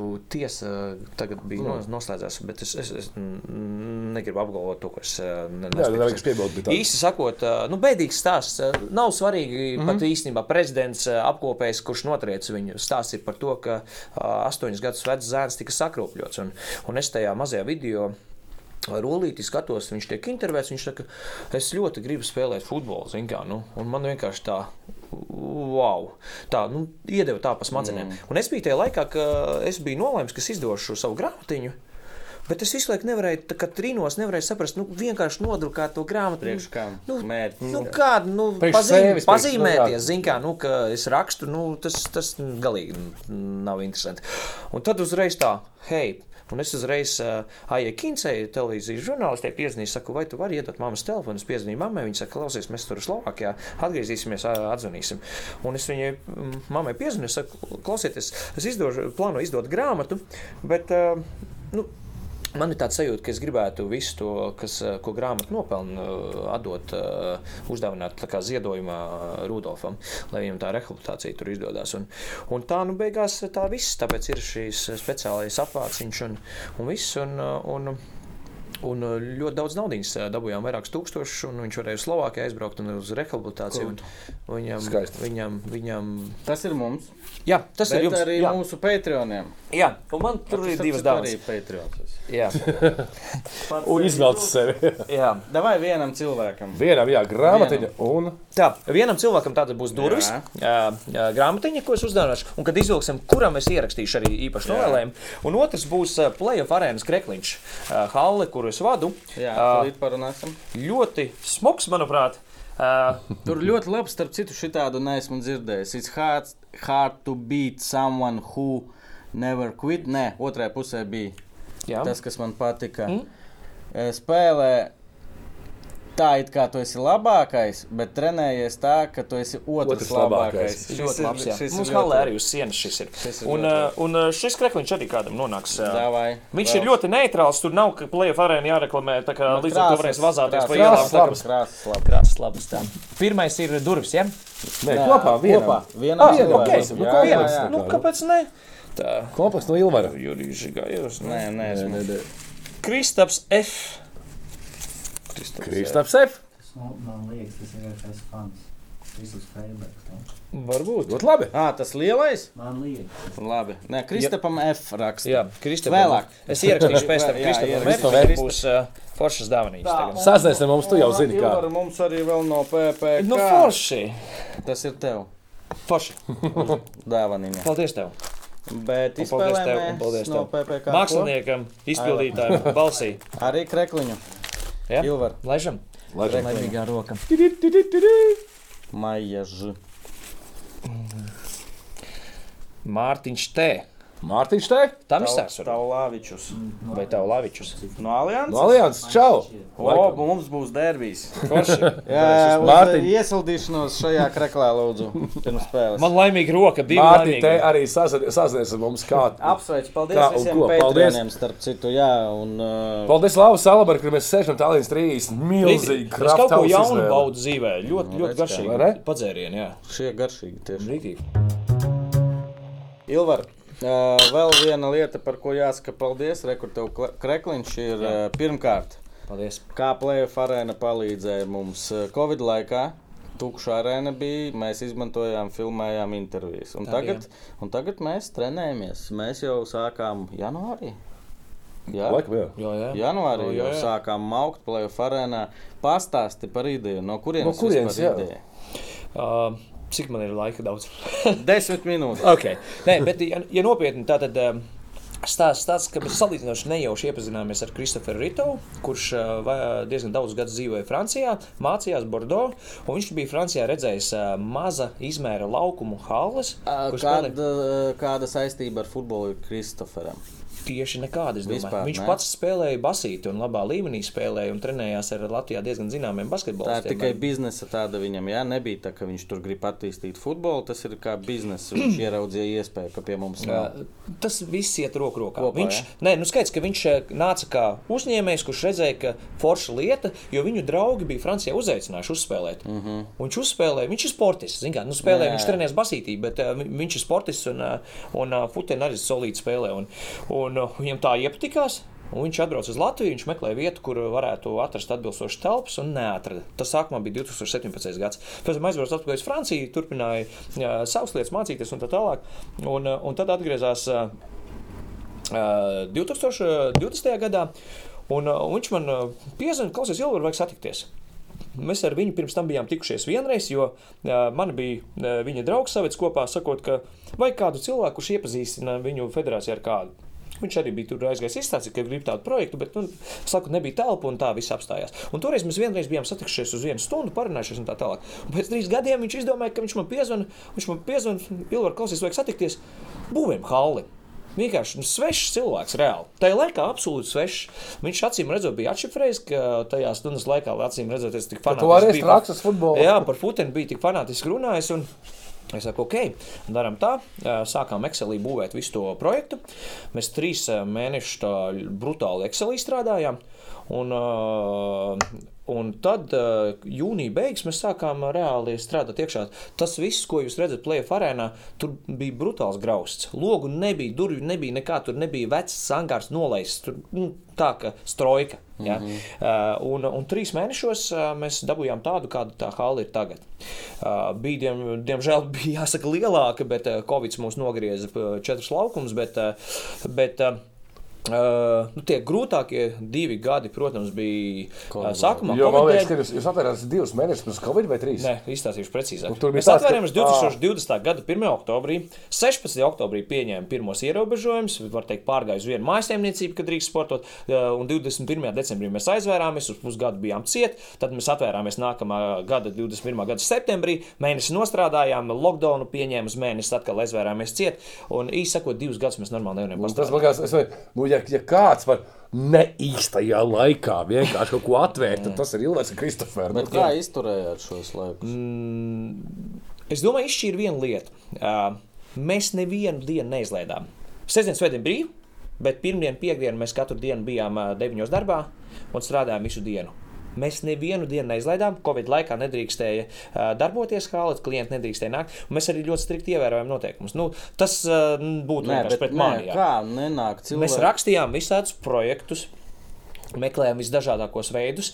Uh, skaidrs, ka mēs bijām uz ļoti sarežģītas uh, robežas. Reāli. Ja. Uh, LNK nāca pretī. Ja? Mums neierūpīja pilnu īres mēs īrējam tās telpas. Ja? Uh, ja viņi tā stingri visu papilnot, nu, tad mēs jau droši vien tas ēru dziesmu dziedātu. Ja? Viņi bija saprotoši, jo Nu, es gribu domāt, ka viņi arī redzēja, ka šim virzienam ir potenciāls. Un šis ir trešais gads. Un trešajā gadā mums nav nekāda ierobežojuma. Mēs rulējam pilnu, pilnu gāzi grīdā. Darbdienu vakari pilns ir ar amatieriem un uzņēmumiem, kas ir iet pirtī un griež velosipēdus. Sestdienas pilnas ar bērnu balītēm, vienkārši non-stopā. Svētdienās organizējam bērnu turnīrus vai amatieru turnīrus un viss griežās. Un es pats personīgi nevienā brīdī nešaubījos, un arī Kristofers nešaubījās, ka šis ir dzīvotspējīgs projekts. Un tas droši vien arī izvilkt. Tu prasi, kā mēs izvilkām. Ja? Nu, tas, tas bija tas, kas izvilka. Atcerieties, mēs uz, uzbūvējam vakcinācijas projektu. Valstī, kad Covid spļāva, nenormāli daudz cilvēku. Mēs janvārī veselības ministrijā jau iesniedzām gatavu projektu. Vakcinētāji ir, mediķi ir, mums bija jau viss vienošanās. Nākamajā dienā varam vaļā un maucam tūkstošus, ja vajag va vakcinējumu. Valstī pēc tam plāns bija pēc divu ar pus mēnešiem, rupi rēķinot. Ja, nu, kas ir absurds. Mēs vienkārši, nu, es neiešu detaļās, jo tur pārāk uh, sāpīgs temats, vai ne? Uh, cik visas lietas notiek godīgi un, un tā tālāk. Un, un, un tagad ir trešais gads. Mēs šobrīd veicam pārunas un esam joprojām arī atvērti sarunām ar partneriem. Mums ir ļoti foršas reklāmas vietas. Tas vēl ir tas tā, tās brīvās vietas, kas mums vēl palikušas, visi laukuma borti mums šobrīd ir pārdot, bet, eh, bet ir, nu, tur, teiksim, halas nosaukums ir, ir milzīgā baltā siena, kur jūs kačājāties pie jā, jā. Eh, tā mēs, biljarda. Nu, lai, mēs kačājām. Mēs skaitījām. Jā, nu, kā jūs tur vēlreiz, vēlreiz, vēlreiz. Un, eh, nu, ja gribās kādam dušā iet ekskluzīvi, tur visi skaisti vīrieši iet. Tur arī brīnišķīgi var, tā teikt, izlīmēties. Īsti sakot, mēs šobrīd strādājam ar tā, tām lietām pie partneriem un tā tālāk, un mūsu, teiksim, attīstības potenciāls tās ir vēl uh, gana liels. Bet uh, mēs. Nu, Vasaras neuztrauc, ka ir labs laiks. Šobrīd ļoti čakli strādājam pie tā. A, Mums pagājušā vasara bija pilns ar bērnu nometnēm. Mm. Te ir tūkstoši bērnu. Tādas, tādas ambīcijas arī šogad. Mēs jau šobrīd, šobrīd strādājam, mums viss ir kur mēs būsim, kā mēs būsim. Tā kā visi bērni, jaunieši vai vecāki, kas skatās šo, uh, ja gribat rītīgi forši nomets, un šogad mums būs uh, jaunas features. Uh, Jā, es, man liekas, ēpasts atnāca tagad pavasara brīvdienās. Būt. Mums nāks klāt visādas ekskursijas, slidošanas, nu, visāds. Nu, tur būs viss kaut kas. Vienmēr sakot, būs māja beigās, būs arī festivāls Summer Sound prepārtīs. Es laikam varu teikt, vai nevaru teikt, nezinu. Izmontēs mums kādā. Uh, mums būs mega krusts pasākums. Jā, un ja mums nebūs otrās spēles spēles, spēlē ar PPC, tad arī Gapolieri tur spēlēs bēgļi. Nē, nu īsi sakot, mums būs, eh, mums būs viens datums eh, maija beigās ar ārkārtīgi. Uh, uh, lielu pasākumu ar ārkārtīgi cēlu mērķi. Uh -huh. uh, Vairāk pagaidām nestāstīsim, bet uh, Jā. visi varat sarosīties, un jūs uh, piedaloties tajā pasākumā, varēsiet izdarīt ļoti labu darbu. Ļoti labu darbiņu uh, sabiedrības uh, visas pasaules sabiedrības labā. Visas pasaules sabiedrības labā. Tā kā uh, esmu ļoti priecīgs, ka Playoff arēna ir uh, šobrīd uh, uh, tāda, kas ceļās kājās, kas kļūst ar vien stiprāka. Es varu daudz runāt par to, cik ir forši. Šajā halē. Bet jūs, kas tur ir bijuši un spēlējuši futeni, tie zinās, Jā. cik forši tur ir. Un, uh, Tā kā, ja kāds ir mega grib atnākt un izmēģināt, noprovēt, vienkārši zvaniet man. Pataisnība. Man trešdienās tur jums ir. Taču. Atvērtie vakari. Jā. Mums ir izdomāts, principā, katram cilvēku segmentam. Tev nav ar ko spēlēt, ir trešdiena atvērtie vakari. Tu atnāc samaksāt desmitnieku, spēlē visu vakaru no astoņiem vakarā, cik vien gribi ilgi, ej pirtī sēdi, cik vien ilgi gribi, griez velotrenažieri, spēlē biljardu, skaties Champions League futeni. Nu, pilns servis, vai ne? Uh, kā Girta Karlsona brālis, starp citu, mums uzrakstīja himnu, rītīgi foršo. Reperīts. Jā, jā, rītīgi, paldies viņam. Un, tā kā... Tā... Re, hip hop mākslinieks, tas ir reperīts. Tu esi reperīts. Tas ir hip hop mākslinieks. Paldies. Tā kā, nu, nu tā, nu es, es esmu ļoti priecīgs, ka mēs, ka mēs kaut ko tādu esam radījuši. Tas ir pirmais Baltijā. Un, kā, teikt, kā radās nosaukums? Plēvarēja, tas jau bija tas, kas Kristoferam bija. À, uzreiz padomā. viņš gāja. Jā, tas tā. jau, principā, viņš, kad mēs satikāmies, jau, hei, nu, būsim plēvarēni. Bet kā raksturot mūsu kopdarbu, es teiktu, ka mēs ar Kristoferu esam Usains Bolts. Jūs, uh, viņš ir Usaina Bolta kreisā kāja, es esmu labā kāja. Nu, Usains Bolts ar vienu kāju nevarētu izdarīt to, ko viņš varēja izdarīt. Nu, tā kā viņam Usaina Boltam ir divas, tad mēs varam skriet sprintā. Varbūt trīs. Drausmīgs joks. Drausmīgs joks. Ilvar. Laikam jāierauj. jāierauj. Jā, bet ir tiešām forši, ka šajā dienā jā, bet, tu atnāc un runāji un stāstīji, mums nebija. Jums maz darbi, ja? Jā! Mums jā, nevajadzēja vilkt neko ārā. Uh, Ilvar, uh, trīs tavi labākie draugi Latvijas futbolā. Latvijas futbolā trīs labākie draugi. Wow! Nu, gan jautājums. Nu, jā. es negribu nevienu apvainot uh, tagad, jo mm, futbolā man diezgan daudz draugu. Labākie. Uh, tieši Latvijas futbolā uh, Kristofers noteikti, jo mēs esam ar viņu uzbūvējuši šo fantastisko projektu. Uh, noteikti droši vien varētu būt uh, abi mani bērni, kuri spēlē futbolu. Tagad samanta pārgājusi uz klavierēm. Uh, bet, nu, jā, ar gati mēs neskaitām stundas, uh, drēlējam bumbu, braucam uz treniņiem, no treniņiem, runājam par futbolu, skatāmies futeni. Man gribētos teikt, ka FK Alberta čaļi. Mm -hmm. Man negribas izdalīt, jo mēs esam man, kopš 2008. gada, kad es pievienojos Albertam, spēlējuši kopā futeni. Un, uh, nu, viņi man ir kā viens. Ja? Es nevaru tā izdalīt. Tā ir tā sajūta. Nu. Jā, jā, jo tā, tā, tā aura, tā atmosfēra, kas tur ir, jums arī veidojas tas. Ja? Un mums tas jau ir 20 gadus. Tā strāva, kas ir Albertā iekšā, kad tu to kreklu uzvelc, nu, tas ir kaut kas cits. Tas nav vienkārši aiziet uzskriet futeni. Mm. Ja? Tā kā e, es laikam šādi pateiktu. Nu, un, uh, nu, nu, sieviņa noteikti ir mans futbola draugs. Jo, ja man katru dienu jāiet mājās, būtu man skalots mazliet par to, ka, ka hei, kur tu atkal futeni, viņi ir tik. Um, Uh, veselīgi akceptējusi. Viņa paskatās šādi, bet viņai, ja tu prasītu, vai viņa interesē, nē, mm. nē. bet, bet, bet kopā laiks jābūt. Uh, nu, ģimenē ir tā, un mums ir demokrātiska pieeja ģimenē. Man ir divi kaķi, divi bērni, sieva, un kad mēs balsojam, nu, iesim uz to spēli. Kas man kaķiem tev ir? Uh, nav svarīgi, nezinu. Vienkārši random. Vārdus es zinu, jā. Okay. Uh, bet, uh, bet Uh, tu zini, kā balsojums kāds. Nu, es par futeni balsoju, nav variantu. Gača balso par futeni. Nu, samantā ar divus gadus spēlējis futeni. Ar balso par futeni. Tad sarunam, kam nekas neatliek. Bet mēs bijuši esam arī dažos tādos braucienos. Mēs, mēs pagājušajā vasarā bijām uh, Slovākijā. Un tas arī bija tāds aizbraukuši uz nedēļu atpūsties un ar ģimeni. Un, un Rīga spēlē ar Ružumberu tieši. Mm. Un, un es, vai, kā tu un, izrādās, un izrādās 70 km tikai no tās vietas, kur mēs dzīvojam. Un es arī tā saku, viņi zina, kā es saprotu, mēs esam atbraukuši atpūsties klausās. Un ir tāds fail, un mēs esam tik tuvu. Un viņi teica, labi. Ja tev tas ir svarīgi, braucam. Nu, wow. nu, wow. un, un, Paldies! Un, un bija ļoti, ļoti forši, ļoti forši. Mēs pavadījām laiku tiešām. Jā, tā kā uh, nu, futbols. 3-0 vinnēja Rīga. Jā, brīnišķīga spēle. Jā. Un es biju pirmo reizi Rīgā fans. Šāda bija. nebija, nebija man no ekipējuma nekāda. Bungas bija. Šito jūs noteikti izgriezīsiet. Ilvar, vai Latvijas futbola ir nākotne? Mēs neko negribam. Oi, kāda ir? Ja, Ziniet, kā, eh, un šis ir tas tāds eh, jautājums, ka daudz saka, ē, nu, eh, nu Twitterī arī jūs lasat, redzat, un saka, o, jā, mēs Latvijas futbols mēs tevi lasām, ja? mūs. Čaļi, Latvijas futbols ir sūds. Mm -hmm. Un tad es pagriežos pret to cilvēku, un es saku, pagriezies, redzi, tur Olimpiskajā sporta centrā uh, skrien uh, šobrīd uh, 84 bērni. Un aizēju viņiem pasaka, ka tas Latvijas futbols ir sūds. Un es nevienā brīdī nevarēšu tā pateikt. Ja kādam bērnam gribās spēlēt futbolu, mums kā pieaugušiem ir jāpadomā par tiem apstākļiem, lai mēs viņiem palīdzētu nodarboties ar futbolu un arī palīdzētu turpināt sapņot tos lielos sapņus.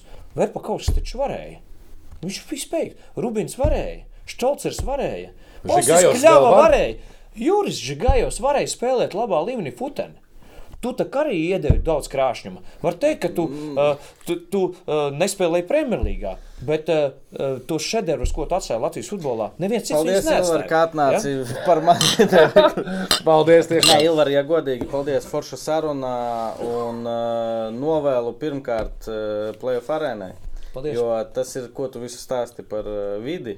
Tas reiz, ir Latvijas futbols. Kā reiz tas Tā ir. Saka, varētu sakārtot vide.